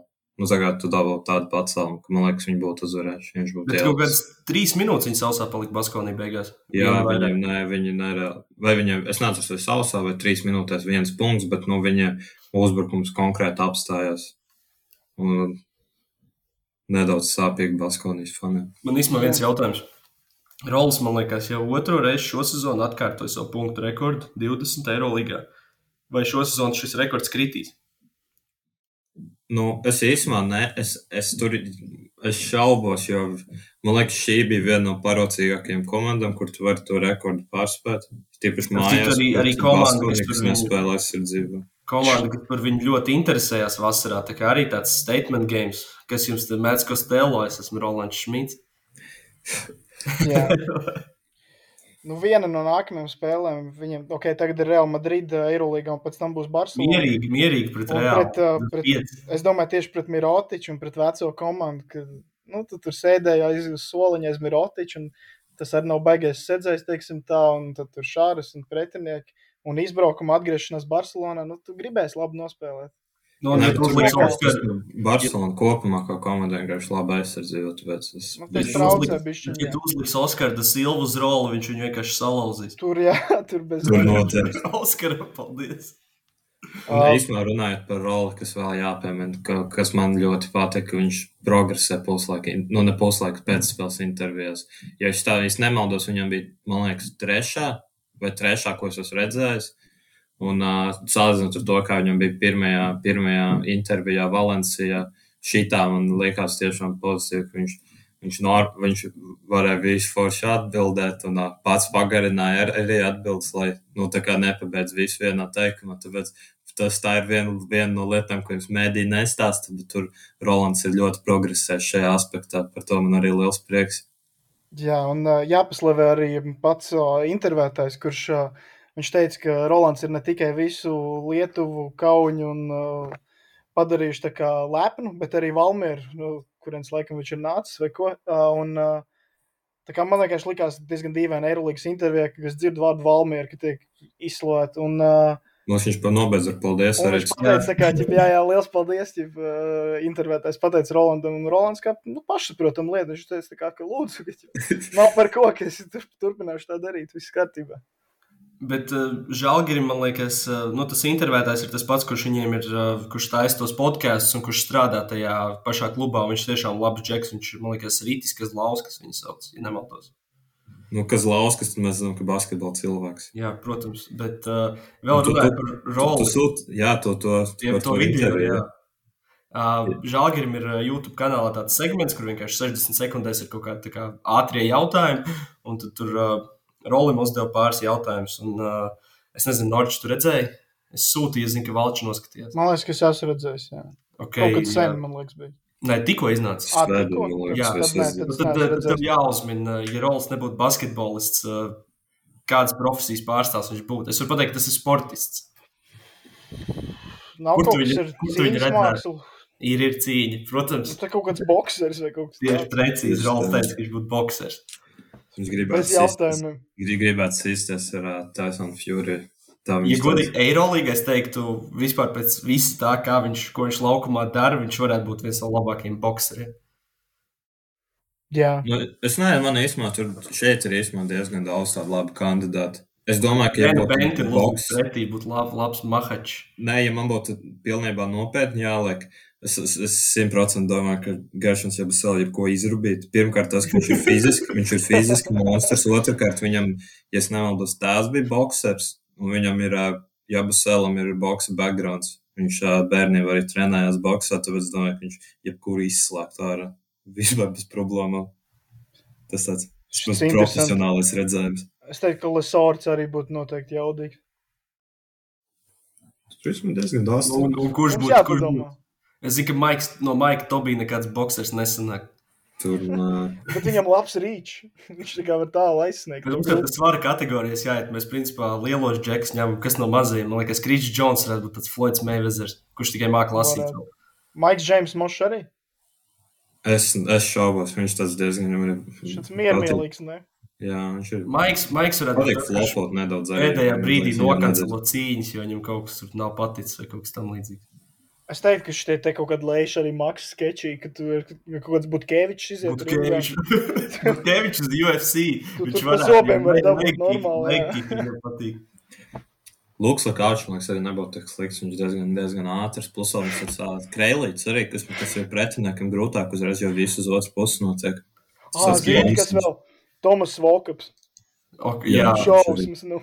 Bet Butkevičs, Butkevičs tiešām es drīzāk redzu oktagonā. Viņš simt punkti ir labs uz, uz, uz, uz paklāja. Viņš ir labs graplers, noteikti. Tas arī skaidrs. Man- varētu arī būt, man liekas, tīri ok. Jā. Jā. Bet man ir, es domāju, tu te maziem Milošs točs nav boxers. mīloši vispār no boxers. Milošs varētu kaut kādu golfu spēlēt. Tas ir tas, ko. Gauti darīja. Es domāju, tas pats Hakets arī nebūtu nav tik slikts. Viņš tāds īsts tas bišķi tas, es nezinu, kā angliski saka dog. Tā Man, gribētu. man piemēram, Alessandro Pajola asociēs ar judo. Viņš varētu pārmest par plecu. Es domāju, Varbūt vēl kam pats. Viņš tomēr tagad tāds izslāpis un sailgojies pēc sporta būs. Viņš jau spēlē. Viņš pagaid, ir viņš- ir nu nespēlē tikai. Es neskatos abu līgas, diemžēl. Nē, es arī neesmu. Jā, es pēc flashcore, zinu, ka viņš ir. Viņam arī cik es skatos, viņam visu laiku tur labi cipari ir. Bet no Eiroligā viņš vēl jāgaida laikam divas nedēļas. Starp Jā. mazajiem īstenībā, uh, man liekas, nērts pretinieks, tāpēc, ka viņam garas rokas ir būt Danteiksums. Jā, jā, viņš arī noteikti jaudīgs. ir. Viņš arī, man liekas, viņš mazais tā nosacīt, viņš, jo viņš jau diezgan garš, viņam Nu, tagad es, es tikko atvēru Eirolandes partizānu lapu. Danteiksums ir pielikts ar Kevinu Panteru pie uzbrucējiem, bet Džeims Nanalīs ir aizsargs. Nu, tā, bet, bet, es nezinu, Panteru varbūt kaut kā varētu saslēgt, bet Dante Eksums, man liekas, visu sezonu bez mazliet spēlēs, kas saspēles vadītājs. Nu, Džeims Nanalīs visam noteikti ir tīrs trešais numurs. Jā, nu, tur, nu, viņiem tur, es nezinu, viņi tur diezgan brīvi interpretē tās pozīcijas. Tā, kas mums vēl no spēlēm? Varbūt ir vēl kāds cīkstons padomā, par cik mums šodien tāds jāstrāks, vieglāks formāts. Nu, es no Bayern vēl garajā galā šo Augustīnu Rubitu izcelt. Viņš Rūpes tāds neaizies ar Hunteru. arī. Tā kā ir diezgan daudz, jā, bet uh, nezinu, par kuru vēl spēli jūs gribat parunāties. Ja Jā, Kuba- kurš ja vēl ar Kuba turas gudaiti, gudaits, man liekas, ka viņam varētu būt tā teikt, tāds ciets zots. Kas saka? Nu, nē, tu, tu tagad tā saka, no, piemēram, ka viņš, piemēram, nevar izrabīt, jo viņam ciets zots ir. Man liekas, gudaits būtu tas variants. Aperkats nestrādā vienkārši. Tas tāds, tas tāds man, man vēl, man tās minējums ir. No Viņš varētu tā kā. Homers Simpsons vienkārši stāvēt pret visiem un nekrist. Un tas viņam arī kopumā, man liekas, gudaitim viņam ir pat diezgan tā kā, tāds smags ar ķermenis, manuprāt. Tā kā, Es piekrītu. ne tā Es, kā Joshua. es, es nevaru vairs šito neredzēt. Vairs. Nē, viņam, ne, viņam īstās cietas zots. Vienkārši. Tieši Ir grozēt, kā grib. 100%. Atbildi, viņš tas Devons Hols no Milāns, man liekas. Kāls Hāns, Metiens, ne. Kāls Hāns. Arī. jā. Viņš man varētu būt ciets zots. Viņam arī īstenībā, bet ne tās kā gudaitim, gudaitim, tam ir zots. Kailam Hainsam nav tāds Ivan Drago vibes. Es nezinu, cita rasa. Šaubos. Es domāju, ka vēl pret uh, Tavares būtu ļoti grūti, jo viņš ar tam garajām rokām, viņš tev iesist var pilnīgi mierīgi, bet, viņš ir trāpītu, tev ir jāiet tuvumā un vēl jāsit uz augšu. ļoti sarežģīti. Nu, nē, bet tu jau gan jau tu liek tavares, piemēram, ar viņa, viņa parametru cilvēkiem, piemēram, tas, Krisku Māģi vai abiem fāliem. nu, tos viņš gan jau noskaldīja. Man arī liekas, ka viņš viņus Es noskaldīs. teiktu, ar tiem, tiem viņam būtu grūtāk. Papajāni, tas viens sitiens un viss. Papajāni var labi nakt. Man ļoti patīk šis segments. Es nezinu, Oh, bija vēl Tiboram Plaisam arī paldies. Tibors Plais varbūt samet finālā 19 punktus, bet boxa ringā viņš 19 punktus nesametīs. Brians Viņam Dārns, sametīs. Chris Singletons. Da, šitie divi varētu būt īstenībā arī Es, ļoti es labi. Chris Singletons, man liekas, vairāk redz kaut kādā street fightā, kur 4. rokijā bija street fights. Piektajā ar Tomiju Ganu, jā. Vēl ir uh, Džerals Mārcis, man liekas, arī tāds radījis tādu no Tafga iespēju. Bontijs Kolstons ar garajām rokām būtu interesants prospekts. Bet viņš man neliekas tas tā kā tafijas. Viņam materiāls, ar ko strādāt, vienkārši. Ir materiāls, ir, jā. Visas zvezdas komanda arī varētu. Visi izņemot Nedoviču, Vildozu un Petruševu. Visi pārējie varētu būt pokse mierīgi. Veids Baldvins man asociējas ar tādu Davida Heija tipu džeku, kurš uh, pirms cīņas ļoti daudz runā. Tad viņš tiek izslēgts, un viņš attaisnojas to, ka viņam ir kaut kāds pirksts lauzs bijis vai kaut kas tamlīdzīgs. Jā. Nā, mēs vēl Motley, Motley's arī. Tas arī varētu būt labs. Viņš arī fiziski mašīna. Uh, jau vēl Zusmans. Viņš ir kā grieķu romiešu cīņa. Labi, Džek, man liekas, ka mēs bijām jau. Zusmans ar tādu stāfu diezgan, es teiktu, viņš tas nepiekāpīgs. No, Ārts Butkevičs man godu vārds, viņš man ir UFC fighters, kurš ļoti labi grēplo. Viņš tāds psihiks vēl varētu būt. Viņam saka, tu tā kā tepo, piemēram, viņš tur žņauc tepo un viņš nelaiž vaļā. Viņš vienkārši saka, liek tev vēl vairāk virsū vai kaut ko tādu. Viņš ir tas, kurš, kurš šajā oktagonā runā ar pretinieku. Jā, jā. Bet īstenībā viņš tā kā, ja at- atpakaļ pie basketbola, viņš tāds tā kā varētu vienlaicīgi būt gan tāds tā kā bišķiņ psihiks, gan vienlaicīgi viņš māk savaldīties un būt tā kā ļoti gudrs. Viņš tur, piemēram, meistarīgi apčakarēja, neatceros to pašu kotsvaru vai ko, kad viņš pie Nīčs dabūja divus sodiņus 40 sekundes pirms beigām. Tā kā viņš tur māk arī ar visādām viltībām arī tikt pie sava rezultāta. Nav tā, ka viņš tikai uz spēku paļautos un jaudu. bet īstenībā atgriežoties nedaudz pie, pie basketbola. Varētu, jā. No cīņas vārds basketbola. Es uh, tieši skatoties šo Žalgiru Baskonijas spēles, es domāju, to, ka šī ir uh, vienīgā, vienīgā tāda spēle Eirolīgā, kur varētu, abas, kur varētu būt tāda situācija, ka Lokma ir desmit spēlētāji no Baltijas. Un turpat pēc pozīcijām iznāk puslīdz loģiski tas viss. Kā to var arī reāli realizēt. Jo Baskonijā tie pieci baltieši, kas ir, viņi visi var atrasties reizē laukumā. Nu, Tur re. pat Baskonē vispār, man liekas, pat diezgan perfekti saliekās.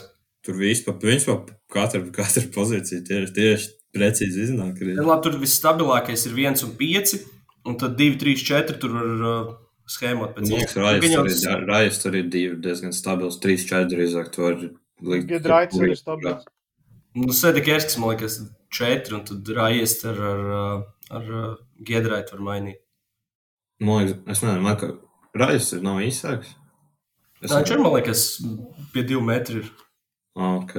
Es nezinu, tas es tīri vizuāli tāds iespējas radies. Tāpēc, kā man bija iespējas visu laiku, ka Derijs Tomsons ir nereāli garš, bet viņš ir metrs 90. Sanders Rajas 204. Zini, O, ko man ok. uh, Tomsons atgādina? Viņš man tādu Tomu Leimanu acis ir baigi. Tāds, nezinu, spēlē tur Kad savā tu tā tempā, pasaki- pēc ķermeņa uzbūves arī tāds, nu, tāds savs stiliņš viņiem. Bet man, es, ne, es tiešām nevaru pateikt, ka esmu Derijs Tomsons. Es skatos, es nevaru nevaru ir metrs 90. Man viņš liekas tiešām garš. Viņš vizuāli izskatās garš, es piekrītu. Varbūt tas ir, es nezinu, viņš, viņš tā kā ļoti tievs un tievs kā es un tam līdzīgi, tāpēc viņš liekas vēl garāks. Jo, piemēram, Markus Hovards, labi, Markus Hovards vienkārši tas, viņš tāds, viņš tā tāds, tāds uh, ducīgāks, tā teikt. Nu, ne tā kā rēsns, vienkārši tā kā Jā, jā, jā. vairāk, vairāk miesas uz kauliem, tā teikt. Un viņam, viņam tā kā var redzēt, ka viņš nav garš. Tāpēc, bet nē, gan jau var pāriet uz, uz, uz citu spēli, kur bija vēl viena cīņa, kur spēlē divas komandas, kas cīnās par plēfiem. Tagad uh, Makabī un Cervena zvezda, kurā Makabī uzņēma mājās.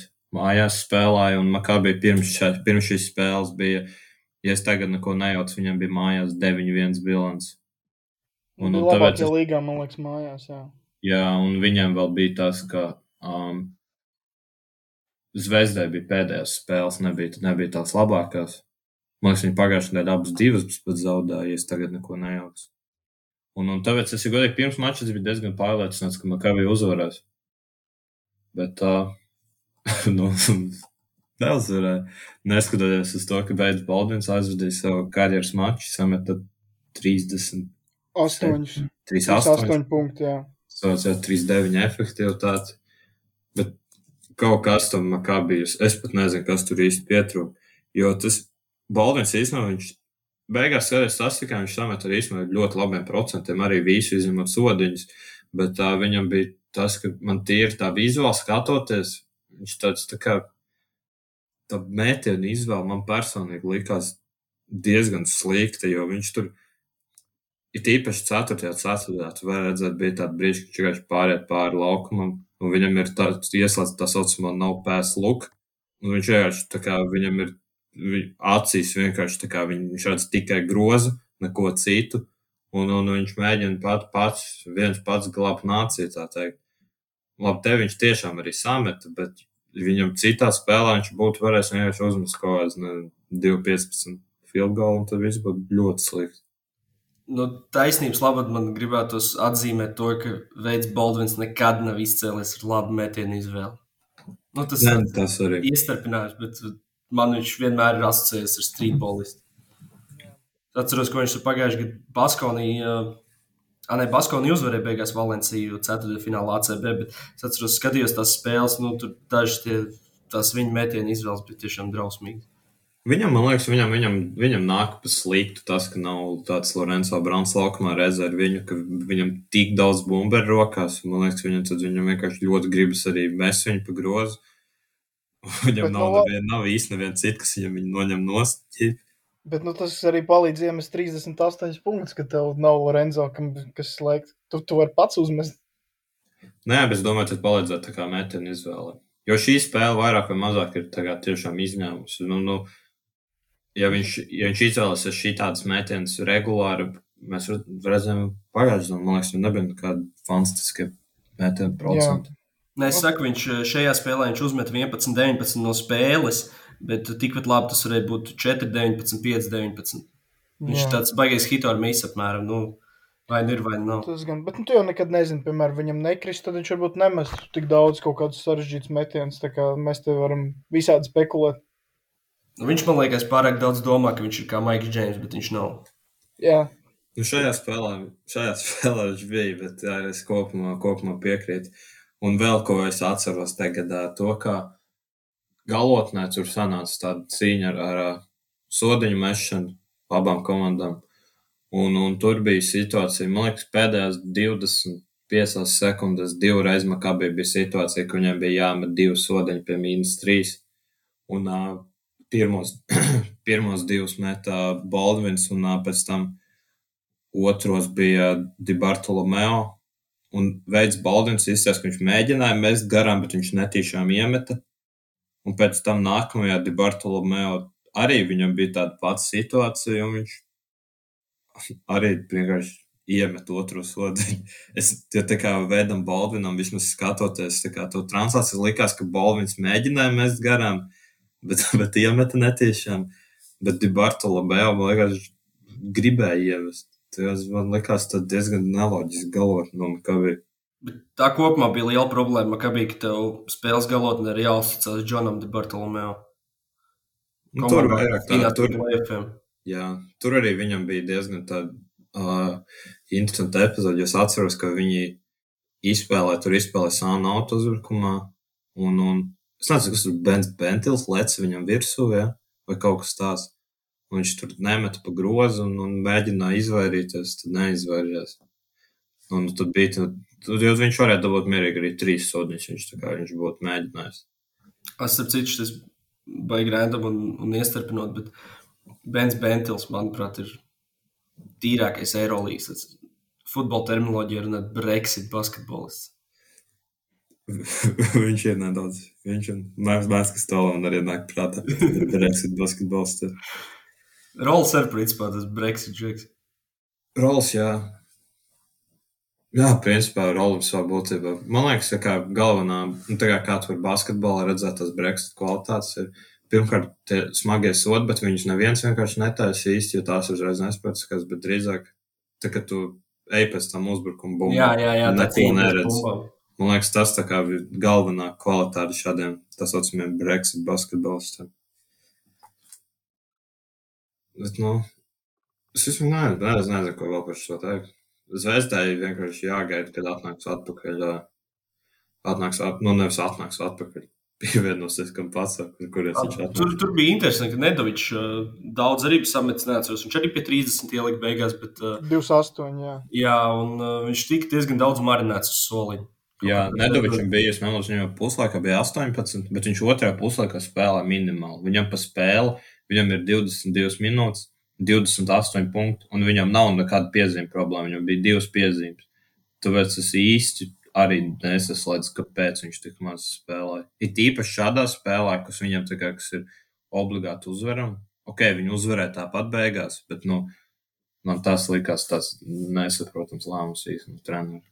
Tajā pašā laikā Branko Lazičam ir 21 minūte. Ok, es saprotu, viņš tur savu aiz, darbiņu aizsardzībā darīja un tā tālāk, bet, nu, jā, ja tev Nedovičam tā iet spēle no rokas, man liekas, viņš, viņš ir tas džeks, kurš, ja, ja viņš ir kārts, tad viņam ir jādod vienkārši spēlēt. Jā, Labi, viņa jau du, duško zina labāk. Īstenībā man ir jautājums tagad. Tātad mums ir nospēlēts 3, 2, nu, principā 24 spēles. Kāds jūs prognozes, kas būs astotniekā? Nu, pirmās piecas komandas mēs varam plus vai mīnus lokot iekšā, es teiktu. Nu, Olimpijākus, Barcelona, Reāls, Monako un Fenerbakčs, jā, tas būs Tas, man liekas, tas ir tā kā plus, plus mīnus. Ok, Feners, man Feners ir vienīgais, kurš varētu redzēt kāds arguments, ka viņi varētu netikt, bet pa, pirmiem četrām es pilnībā droši, ka viņi būs, būs plēfos. Un visticamāk arī noformēs pirmo četrnieku šī tās četras tieši. Man nepatīk, kā sāk izskatīties FS situācija. Jā, Nu, es nu, īstenībā Nu, tur diezgan. nu es teiktu, ka Partizans, Baskovija un FS ir pārējās trīs. Es gan ļoti, ļoti ceru uz Žalgiri joprojām un sapņoju, bet, uh, ja man tāda prognoze jādod, tad es saku, FS, Baskovija, Partizans ir pārējās trīs. Nu, es teikšu, Panatnaikus, Sasvels un uh, Alba pabeigts ar 10-0 un, un viņi Milāna. tieši- Milāna, Nebūs? jā, jā. Nu, Alba, Alba ar 16 uzvarām iesprūksies kā pēdējā. Okay. Okay, bet, uh, labi, ja nopietni, tad uh, es šajā iepriekšējā kārtā guvu apstiprinājumu vēlreiz tādu ļoti rūktu un sāpīgu, ka Boloņas virtus vienkārši nav ko darīt plēfos. Es godīgi teikšu, uh, es būšu skarbs, bet uh, tas, kā viņi spēlē pret Barcelonu, ir vienkārši apkaunojoši. Un uh, problēma ir tajā, ka tas notiek jau kuro reizi šo sezonu. Cik es atceros, vismaz trešā reize. Pret Partizānu bija pilnīgākā katastrofa pirmajā spēlē, pret Olimpijākos un tagad Barcelonu. Maš vēl kaut kur bijis, es tagad vienkārši neatceros. Nebija par kaut kādu Valenciju arī. Vai? Var, es nezinu, varbūt, bet uh, tas nav normāli, ka tu zaudē ar 40 punktiem savā laukumā. Tas, Labi. man liekas, tas pat ir īpaši svarīgs punkts, ka tas ir mājās. Tā ceturtā zaudē. ok, viņi tur Barcelona vienkārši viņiem, es pat neskatījos, jo tur, tur nebija vienkārši ko skatīties. Nu, tas ir tiešām apkaunojoši. Tu ne, Eirolandā nevari tā spēlēt. Nu, Boloņa vispār ir pilnīgi random komanda. Es teiktu, ka viņam pat neinteresē, viņi spēlē mājās vai izbraukumā. Viņu, piemēram, var izbraukumā vinnēt Barcelonu un Madridu bez nekādām problēmām. Tad mājās zaudēt Asvēlu un vēl kaut kam. Nu, pilnīgi atgādājot visu laiku. Es, tu nekad nezini, ko no viņiem dabūsi. Un uh, es esmu ievērojis jau kaut kādas pēdējās 10, 15 kārtas, ir tā, ka viņi visu laiku ir. Kādā brīdī viņiem ir uh, trīs uzvaras līdz plēsoņiem, kādā divas. Un tad, kad viņiem ir divas, tur ir kaut kas zaudē no playoff komandām, un viņiem ir labi iespēja pietuvoties līdz tai vienai spēlei. Labi, tagad Barcelona varbūt nav tas labākais pretinieks, bet viņi vienmēr vienkārši nogrūž kaut kam, kam, nu, kur tev it kā tev būtu jādabū tā uzvara, uzreiz dabūt to momentumu un varētu tiešām cīnīties par playoffiem. Protams, tās izredzes vēl ir, bet nu, es vienkārši neticu. Ja tā komanda vienkārši var atnākt uz spēli un kaut kādā brīdī zaudēt ar 40 punktiem. Un pats trakākais, ka pirmā ceturdaļa vēl bija līdzīga. Uh, otrajā ceturdaļā, ja nemaldos, vienā brīdī bija kaut kāds 23, 23 vai kaut kas tamlīdzīgs. Viens punkts, viena uzbrukuma spēle. Un Barcelona vienkārši uztaisīja kaut kādu 17-0 rānu. Viņi tur sabrūk. Te, ok, tu aizēji ar 11 punktiem, mīn, ar 20 laikam, mīnusā. Puslaikā tu centies kaut ko sakārtot. Nu, tev ir tā kā jācenšas kaut ko sakārtot, kaut kas jāmēģina mainīt. Uh, es pieļauju, ka viņi ir kā apņēmības pilni to darīt. Bet viņi iznāk laukumā, un pilnīgi nekas no tā nenonāk, nenotiek. Un, un Barcelona izdara vienkārši aizsūta knockdownā. Man īstenībā tā tagad skatoties tabulā, tā es domāju, tas mākslas vietas varētu būt viena no, es nezinu, četrām, piecām komandām, no kuriem es godīgi šīs sezonas laikā neesmu īpaši lielu progresu redzējis. Tā kā, principā, spēlēja ļoti nestabili, tikpat nestabili viņi arī turpina. Mīloši ir progresējis. Nu, mīloši, mīloši, protams, bet tagad ir tā, skatoties tabulēs, tā, ka viņi ir tādi, tad uh, Bayernas teikt, arī tādi paši, ka viņi spēlē slikti, un viņi spēlē slikti, tur nekāda liela jaunuma nav. Un es ne, Alba, Alba un Feners, man liekas, divas pārējās, kuras. No Alba ir regres drīzāk bijis pēc iespējīgās. Nu, fen, Feneram, Feneram tas pats. Feneram nu, gan tas, ka viņiem ir pietiekami daudz talantu, lai viņi viņi varētu varētu noturēties tur augšā, bet ja salīdzinot to, ka viņi sezonas pirmos, nezinu, divus mēnešus tur likās, ka tur visi, visi iet no rokas, tad tagad viņiem ir eh, pēdējās desmit spēlēs, viņiem ir 4-6 bilants. Viņi arī tur zaudēja random. Viņi tam pašam virtusam arī zaudēja, man liekas, arī kaut kad ap Ziemassvētkiem tieši. Tagad tur kaut kas nav. Bet atgriežoties pie vecāka par tām trīs pēdējām komandām plēfos, es likšu Partizānu Baskonē, nu kā bija. Es atstāšu EFS, vārā, jo tas man, es, man ir tāda, var, gan jau šīs atkal man backfiros un es būšu nokļūdies, bet nu, kaut kā liekas, ka viņiem beidzot tā haļauja beigsies. Nu, jo man, tikai, ja kāda, man liekas, ja kādā sezonā tev vajag nopietni uztvert to regulāru, tad man liekas, šī tā ir tā. Jo tur tās komandas, kas tur cīnās par to pēdējo playoff vietu, nu, tur, tur principā līdz 13. vietai nevienu tā kā nevar pilnībā norakstīt jau tagad. Bet tas būs baigais fiasko, es teiktu. Es Jā, domāju, ka šādu sastāvu meklēt. Teikt, paldies. Visu. Čauka kautā teikt. ne, labi, ja, ja man pilnīgi nopietni ir jānosauc, man kaut kā liekas, ka Es neteiktu, ka Feners vēl ir tik stabils. Es nezinu, man liekas, ka. Nē, Feners nav stabils, bet es domāju, ka viņš tiks tāpat. Tas, ka viņam ir tā viena uzvara virs, virs tiem plēfiem. Uh, es noteikti es zinu, ka es gribētu redzēt Žalgiri, uh, bet man liekas, ka viņa vietā varētu būt Valencija. Jo jūs neviens neminējāt Valenciju. Ne? Jā, nu viņi, ar, viņi ir uh, konkurētspējīgi. No... Atgādājot ar Eiropas sastāvu. Ar Eiropas sastāvu. Jā. Jā. Sveicins, Nikola. Bet uh, es īstenībā es lieku Valenciju un Makabī plus mīnus tā kā viena vienā plauktiņā. Ko mēs, viņi arī spēlē burtiski pirms pusotras nedēļas, un viņi ļoti, ļoti līdzvērtīgas komandas. Tāpēc viņas liek plus mīnus blakus, bet kaut kā es nezinu, Makabī vienkārši, ja neskait, viņiem vēl tūlīt būs Lorenzo Brauns atpakaļ. Tur Tas ir svarīgi, jā. Un runāt par Lorenzo Braunu, varam viņu apsveikt ar jaunu trīs gadu līgumu. Līdz 28. gada vasarai viņam ir. Tā kā tu viņu pie sevis neredzēsi. Tas ir, tās ir sliktās ziņas, jā. Jo, nu, tur, tur jā, kā runāja, bija, ko reāli gribētu, divas atspēles vajadzēja, ko vasarā tēmē bija Lorenzo Browns un Kampāco. Kampāco tāpat ir opcija, manuprāt, bet tā, nu, par, par Brownu gan tu var aizmirst, jo viņam vēl trīs gadu līgums. Bet var uzslavēt īstenībā Makabi, ka viņi vismaz šādu spēlētāju pagarina uz ilgāku laiku. Nebūs nākamā sezona kaut kāds kā viņam patīk parasti, kad pilnīgu random no kaut kādas random Izraels komandas, no kura gaida, ka viņš spēlēs kā līderis, viņš nespēlē kā līderis, un tad viņi nomet treneru sezonas vidū. Par to man īstenībā prieks par Makabiju šogad kaut kādā ziņā, kā, ka viņi tagad pietiekami stabili turējuši visu. Gan sastāvu, gan treneris nav atlaists, ko es gaidīju, ka viņi, viņu atlaidīs jau novembrī. Bet bija brīži, kad katrs bija uz hot seat, es teiktu. Tur jā, bet man liekas, īstenībā daļai tā, ka šito tās komandas arī. Man vismaz šāda konspirācijas teorija ir dzirdējuši tajā Urbāns par to minēja. Un, man liekas, tā varētu būt, ka komandas iespējams paši to izplata, lai tā teikt, saprinātu treneru nedaudz strādāt. Jo reāli tas pats bija kaut kam vēl, es tagad neatceros. Ah, no tā, laikam nebija citām versijām. Kristian, kas tad ir tās tavas tās trīs komandas? Tur pieminēja Žalgiris, Valencija vēl kaut ko, bet, nu, ja tev tagad jāprognozē, ko tad tu izvēlēsies? Lai mēs varam kālot šo atpakaļ mājā. Es domāju, ka pats grūti. Nu, Partizāns ļoti labi izskatās. Es domāju, ka, ka viņi būs. Žēlko tur, tur beidzot visi atraduši savus lomas, zina, kā spēlēt. Tad es teiktu, Partizāns. Es pat ātri par Partizānu gribētu teikt, ka, uh, nezinu, man pēdējā laikā viņi ļoti patīk. Un es domāju, ka arī ceturdaļfinālā viņi būs liela problēma jebkurai komandai. Un būs grūti viņus apspēlēt ātrāk par piecām spēlēm. Tā kā es saku, ka viņi būs tiešām ļoti, ļoti labi pavasarī. Un tad es lieku Partizāns, Valencija un Efes. Lai gan es gribu žāgi iekšā. Baskonijā ārā. Ā, pareizi viņa jau bija. Jo es, nu, es ticu, ka man patīk. Baskonija Valencijas vietā, jā, jā, jā. Tad uh, Partizāns, Baskonija, Efes. Tad mums vienādi. Jo Mēs par, Partizāns, Partizāns esmu šobrīd tiešām, nu, viņi tiešām izskatās ļoti labi.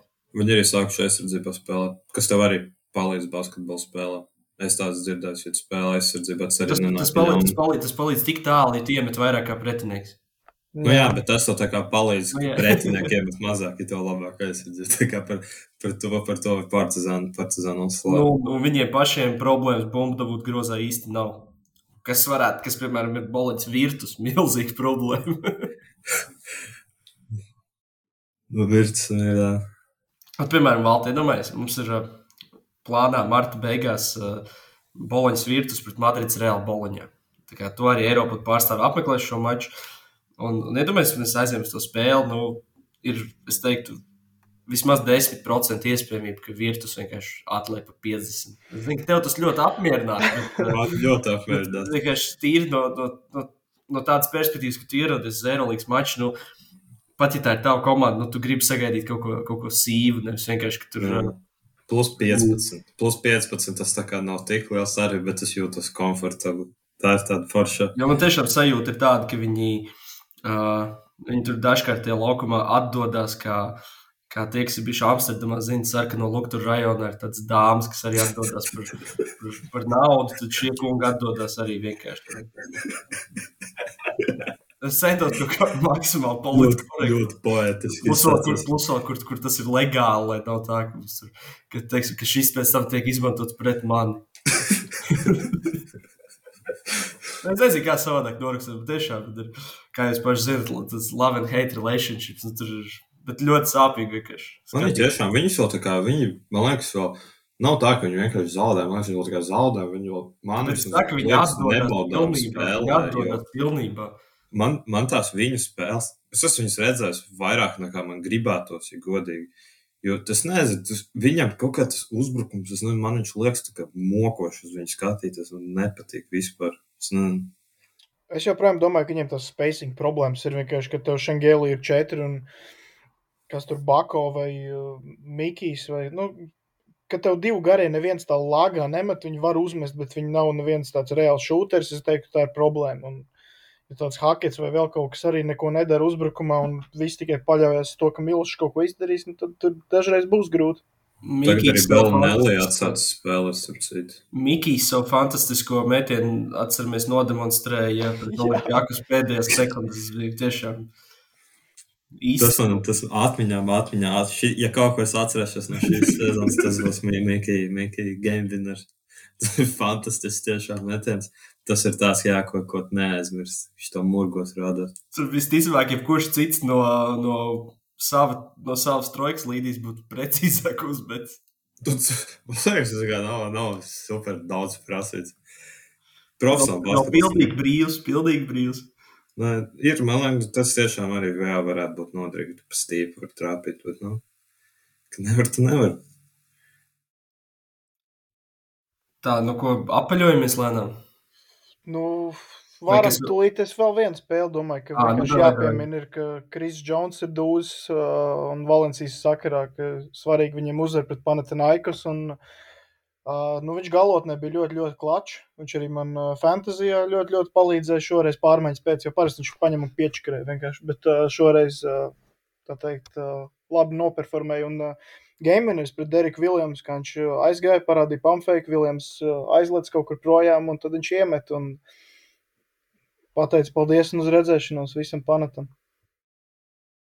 Tu man patīk vēl, es, es šī spēle neredzēju, es, es redzēju tikai to pēd, pēdējo uzbrukumu un patīk, tur, tur tieši, ka filmēja, ka viņš, viņš iemet, un tur, tur tā kā, jā, tur filmē tieši tā kā no otra gala, var redzēt, ka iekrīt metiens un fani principā uzreiz ir kājās un dodas uz.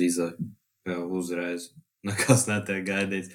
Tur burtiski divu sekundžu laikā jau, jau visi, visi iet projām. Mm. Starp citu, šito varbūt mēs Eiropā tik bieži neredzam. Tur NBA priekšlaicīgi, ok, šis bija pēc uh, sirēnas, jā, bet, piemēram, NBA dažreiz priekšlaicīgi fani iet projām. Un uh, tagad, kad es biju VF prometē spēlē, tad bija arī fani, kas uh, divas minūtes pirms mača beigām devās prom un nemaz nepalika līdz beigām. Tad uh, amerikāniskā maniera. Šītos nekad nav sāpēs un nekad arī nesapratīšu, kāds var atnākt uz spēli un iet prom vienkārši. Minūte, minūte vai divas minūtes pirms beigām. Es nezinu. Lai točiņā bez rindas tiktu vai uz mašīnu ātrāk aiziet. Nu, Nu, tas ir vienkārši. Tas ir, esi atnācis uz basketbolu, un vēlreiz uz viņu nosīties līdz galam. Nu, ko, ko tā, ko komanda jau zaudēs, ko tu maini tas divas minūtes. Var izrādīt kaut kādu zinu, cieņu spēlētājiem, kas spēlē. Es godīgi pateikšu, es pārpildīju arēnā Rīgā no trešā stāvā. Esmu piecās minūtēs ticis ārā. Tā kā es nezinu, ko, ko tu uzvari ar šīm divām minūtēm ātrāk aiziet. Jā, Bet šajā sakarā var paslavēt Boloņas virtus līdzekļus, jo cik es esmu klātienē vērojis šos apkaunojušos zaudējumus, viņi pie komandas kaudpilnas snieguma paliek līdz beigām. Tāpēc, ka viņi vairākus simtus eiro ir samaksājuši, loģiski, ka līdz pēdējai sekundē jāizbauda šis. Nē, es piekrītu, ja tu esi samaksājis par biļeti, teiksim, kaut vai, kaut vai par lētāko, tas 60, 70 eiro Tev tu, nos, tu pirmkārt ieradīsies laicīgi un dosies prom pēc iespējas vēlāk, lai tu savu, savu maksimizētu savu tā teikt. Tā, jā, laik, laikam, šajā visā. Man liekas, šis ir tā kā. Tāds, like. Man liekas, šis ir kā kaut kāda veca limonāde. Viņa ir palikusi veca, bet tu zini, ka tu esi viņu nopircis. Un tad tu nepārāk izbaudot, bet tomēr izdzer viņu līdz galam, lai nebūtu tas jau viss. Arī, arī, ja, jā, jā, arī, jā. Arī, ja tu dodies, piemēram, uz uz kādu restorānu vai kur ēst un ļoti izsalcis pasūta vairāk nekā tu vari apēst. Tev kā latvietim, piemēram, to arī vajag apēst līdz galam. Jo, kā mēs zinām, nauda maksā. Kur tu, tu liksies, vajag apēst visu līdz galam. Un tas ir standarts. Bet īstenībā Itālijā tas ir Milānā. Milānā es tur diezgan piekrītu. Tur īstenībā diezgan regulāri iet prom jau laicīgi. Tas, tas man ir kaut kā iekrits acīs, jo viņiem vēl kaut kā Viņam tajā arēnā ir tā, ka tā, viņa tā iešana ārā ir kaut kā viņa iet kā gar laukumu vai kaut kas tāds. Es tagad, man tā atmiņā, ka viņš iekrits no Milānas tieši, ka viņam patīk ātrāk doties prom arī. Nu, Milāna laikam pelnījusi šajā sezonā, ka uz viņiem neskatās 40 minūtes. Nu jā, bet nu, man, man, man tiešām šī, šī to, es vispār nevaru saprast, kā tu vari iet ātrāk prom. Es saprotu, ka tev čīsti kaut kur jāsteidz, bet es domāju, no, piemēram, no 10 tūkstošu arēnas tāda situācija var būt, var būt 30 cilvēkiem pa visu arēnu, ka viņiem tev vakarā, es nezinu, to pēc spēles jābrauc, nezinu, naktas maiņu vai es nezinu, bet ka tev tiešām jāsteidz tāda ļoti, ļoti maz.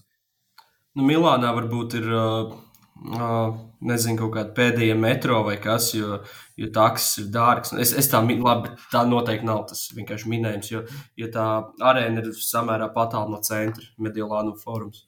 Jā, bet es pieņemu, tur gan jau uz Tad tik liela pilsēta, ka jau pa nakti kursē tev metro arī. Nu, es tā gribētu domāt. Nu jā, un tādā ziņā Žalgiris ir ļoti labs piemērs, jo arī tur, kur es biju zaudējumā pret Partizānu, man, protams, nebija, nebija ne mazāko ideju kaut kur ātrāk beigt prom, bet tur reāli lielākā daļa, teiktu, 95% no sanākušajiem palika, sita vikingu klēpu, tur viss tā kā perfekti. Jo viņi beigās tomēr zaudēja diezgan bez variantiem. Tā kā varētu saprast, ka, nu, nu nevarētu saprast, bet varētu gaidīt, ka cilvēki ies ātrāk prom. Nu, tā arī vajadzētu būt normāli. Tas, tas jāpēc neliek loģiski. Bet, nu jā, laikam, laikam varētu apļoties tiešām. Tā kā. Jā, nu turpinam vērot basketbolu. Ā, nu, jā, vēl par basketbolu mums sagaida visi kausi. Šajā nedēļā tieši būs uh, Užavas kausa fināls, Liepāja pret VF būs uh, Karaļa Mindauga kausa fināls, kuras pieņem būs Žalgirs ar, es nezinu ko, bet Žalgirs būs, kas no Grieķijas kausa fināla jāskatās. Itālijas, Vācijas. Par Lietuvas kausu runājot. Uh, es nezinu, Zēta Teilors būs atpakaļ, nebūs. Nē, esmu neko skatījies. Es redzēju, kādu video, ka viņam, viņam, viņam, viņš kādu rīhabu gāja tagad. Okay, uh, Nu, es teiktu, ka gan Lietkabels, gan Rītas, gan iespējams, labi, Vulfs, ne, viņi jau pārāk daudz viņam zaudējuši. Var iekost. Nu, jāskatās, kas, es neesmu skatījies, kas tur uh, nāk pretī. Vulfs jau Žalgirs vinnēja. Viņiem Ā, tagad mums ir Lietuvas nepiedomā pusfinālā. Man, jā, tā bija tā spēle, kur tieši, man liekas, aizēja Tēlers atrāmies. Nebija tieši pēc Jā, jā, jā, jā, bija, bija, bija tieši jā, pret. Es, ā, Jā, jā, tā ātri, ātri. Jā, es Jā, esmu nu, es, es teiktu, ka vēl, jā, es teiktu, vēl papētīju, ka tas, kas ir jāizceļ, ir, uh, ok, daudzās līgās tur fināls kaini sagaidāms, tā kā, piemēram, tur Grieķijā, Francijā, nu, tas, ko mēs gaidām, tās divas komandas, tas arī būs. dienas. Ok, nu, es, nu, es neskatījos datumus, bet es vienkārši paskatījos tos zarus, kas nāk pretī, bet interesanti tas, ka Spānijā Reāls ar Valenciju spēlē ceturdaļfinālu, un tad pusfinālā tie, kas visticamāk ar Barcelonu, tā kā El Clasico fināls nebūs, tas var notikt tikai pusfinālā, un tas pats ir arī uh, Serbijā un Vācijā, ka Eirolīgas duels uh, Alba ar Bayern jau ir pusfinālā, un uh, ja uzvar savas spēles, tad Partizans ar Cervēnu arī spēlēs pusfinālā, nevis finālā. Un pārējās līgās, cik es skatījos, ir tas, ko mēs gaidām, tas arī būs finālā. Tā kā labs pasākums visiem basketbola līdzjutējiem. Jā, protams. Nu, man liekas, man, man personīgi karaļkaus. Man liekas, karaļkaus arī nevarētu būt vienīgais, ko mums rāda vispār Latvijā. Nu, ja neskatu užaus kaus. Es nezinu, jums kaut ko. Nezinu, Best for legāli Sports kaut redzēt. kad, Best for Sports kaut kad rādīja gan Itālijas, gan, gan Vācijas kausu. Vācijas kausu taču rādījis, pat kaut kādu spēli bija skatījies, bet uh, Itālijas kausu, man liekas, agrāk kaut kad arī rādīja. Tas, to, tas ir to iespējams, ka viņi ir redzējuši. Es pieņemu, ka viņi arī varētu rādīt, par cik viņiem ir, ir tiesības uz, uh, uz, uz, uz tām līgām. Tad varētu būt, ka arī rādīs. Jā, Karaļmindā kausā būs vienā pusfinālā būs Lietkabals ar Žalgiru, un otrā būs Rītas pret Mārtiņu Laksas, Jonavas Sībet. Tā kā novēlam Mārtiņu Laksam varbūt Karaļmindā kausu. Tas būtu forši. Vai Rolandam Šmitam? Un Rolands Šmits viņam, nu viņam Rolandam Šmitam, es teiktu, vienu trofeju jau garantēts šogad Lietuvas līgā. Tas būtu forši kaut ko arī Mārtiņš Laks uzvarētu šogad. Un, un ā, ko es gribētu vēl no, nobeigumā ļoti ātri divām minūtēm pateikt, ka ā, es esmu veicis ā, padziļināt pētījumu Google, YouTube, visur, arī Eurohops, kaut kāds tik labs es neapmeklēju. Man ir galais pierādījums, ka Gabi Deks nerunā angliski. Jo viņam bija, es atradu divas intervijas ar viņu, kad viņš bija Thunder sastāvā. Un abās šajās intervijās viņam bija tulkotājs, kurš viņam tulkoja spāņu valodu, un viņš pats atbild visu spāniski. Tas ir viens, un es meklēju, cik es me- gāju cauri internetam. Es, ier, es ierakstīju Google Gabriela Deka interviju, uzliku video, es izgāju cauri kaut kādām sešām lapām, un nebija neviena intervija angliski. Viss bija tikai spāniski. Un arī tas, ka viņam, es arī viņa Instagramā pagāju cauri, viņam nebija nevienai bildē captions angliski. Arī tad, kad viņš bija NBA, viņam viss bija tikai spāniski. Tā kā varam būt diezgan droši, ka angļu valodā viņš nerunā. Un, Kas ir piemēram, labi.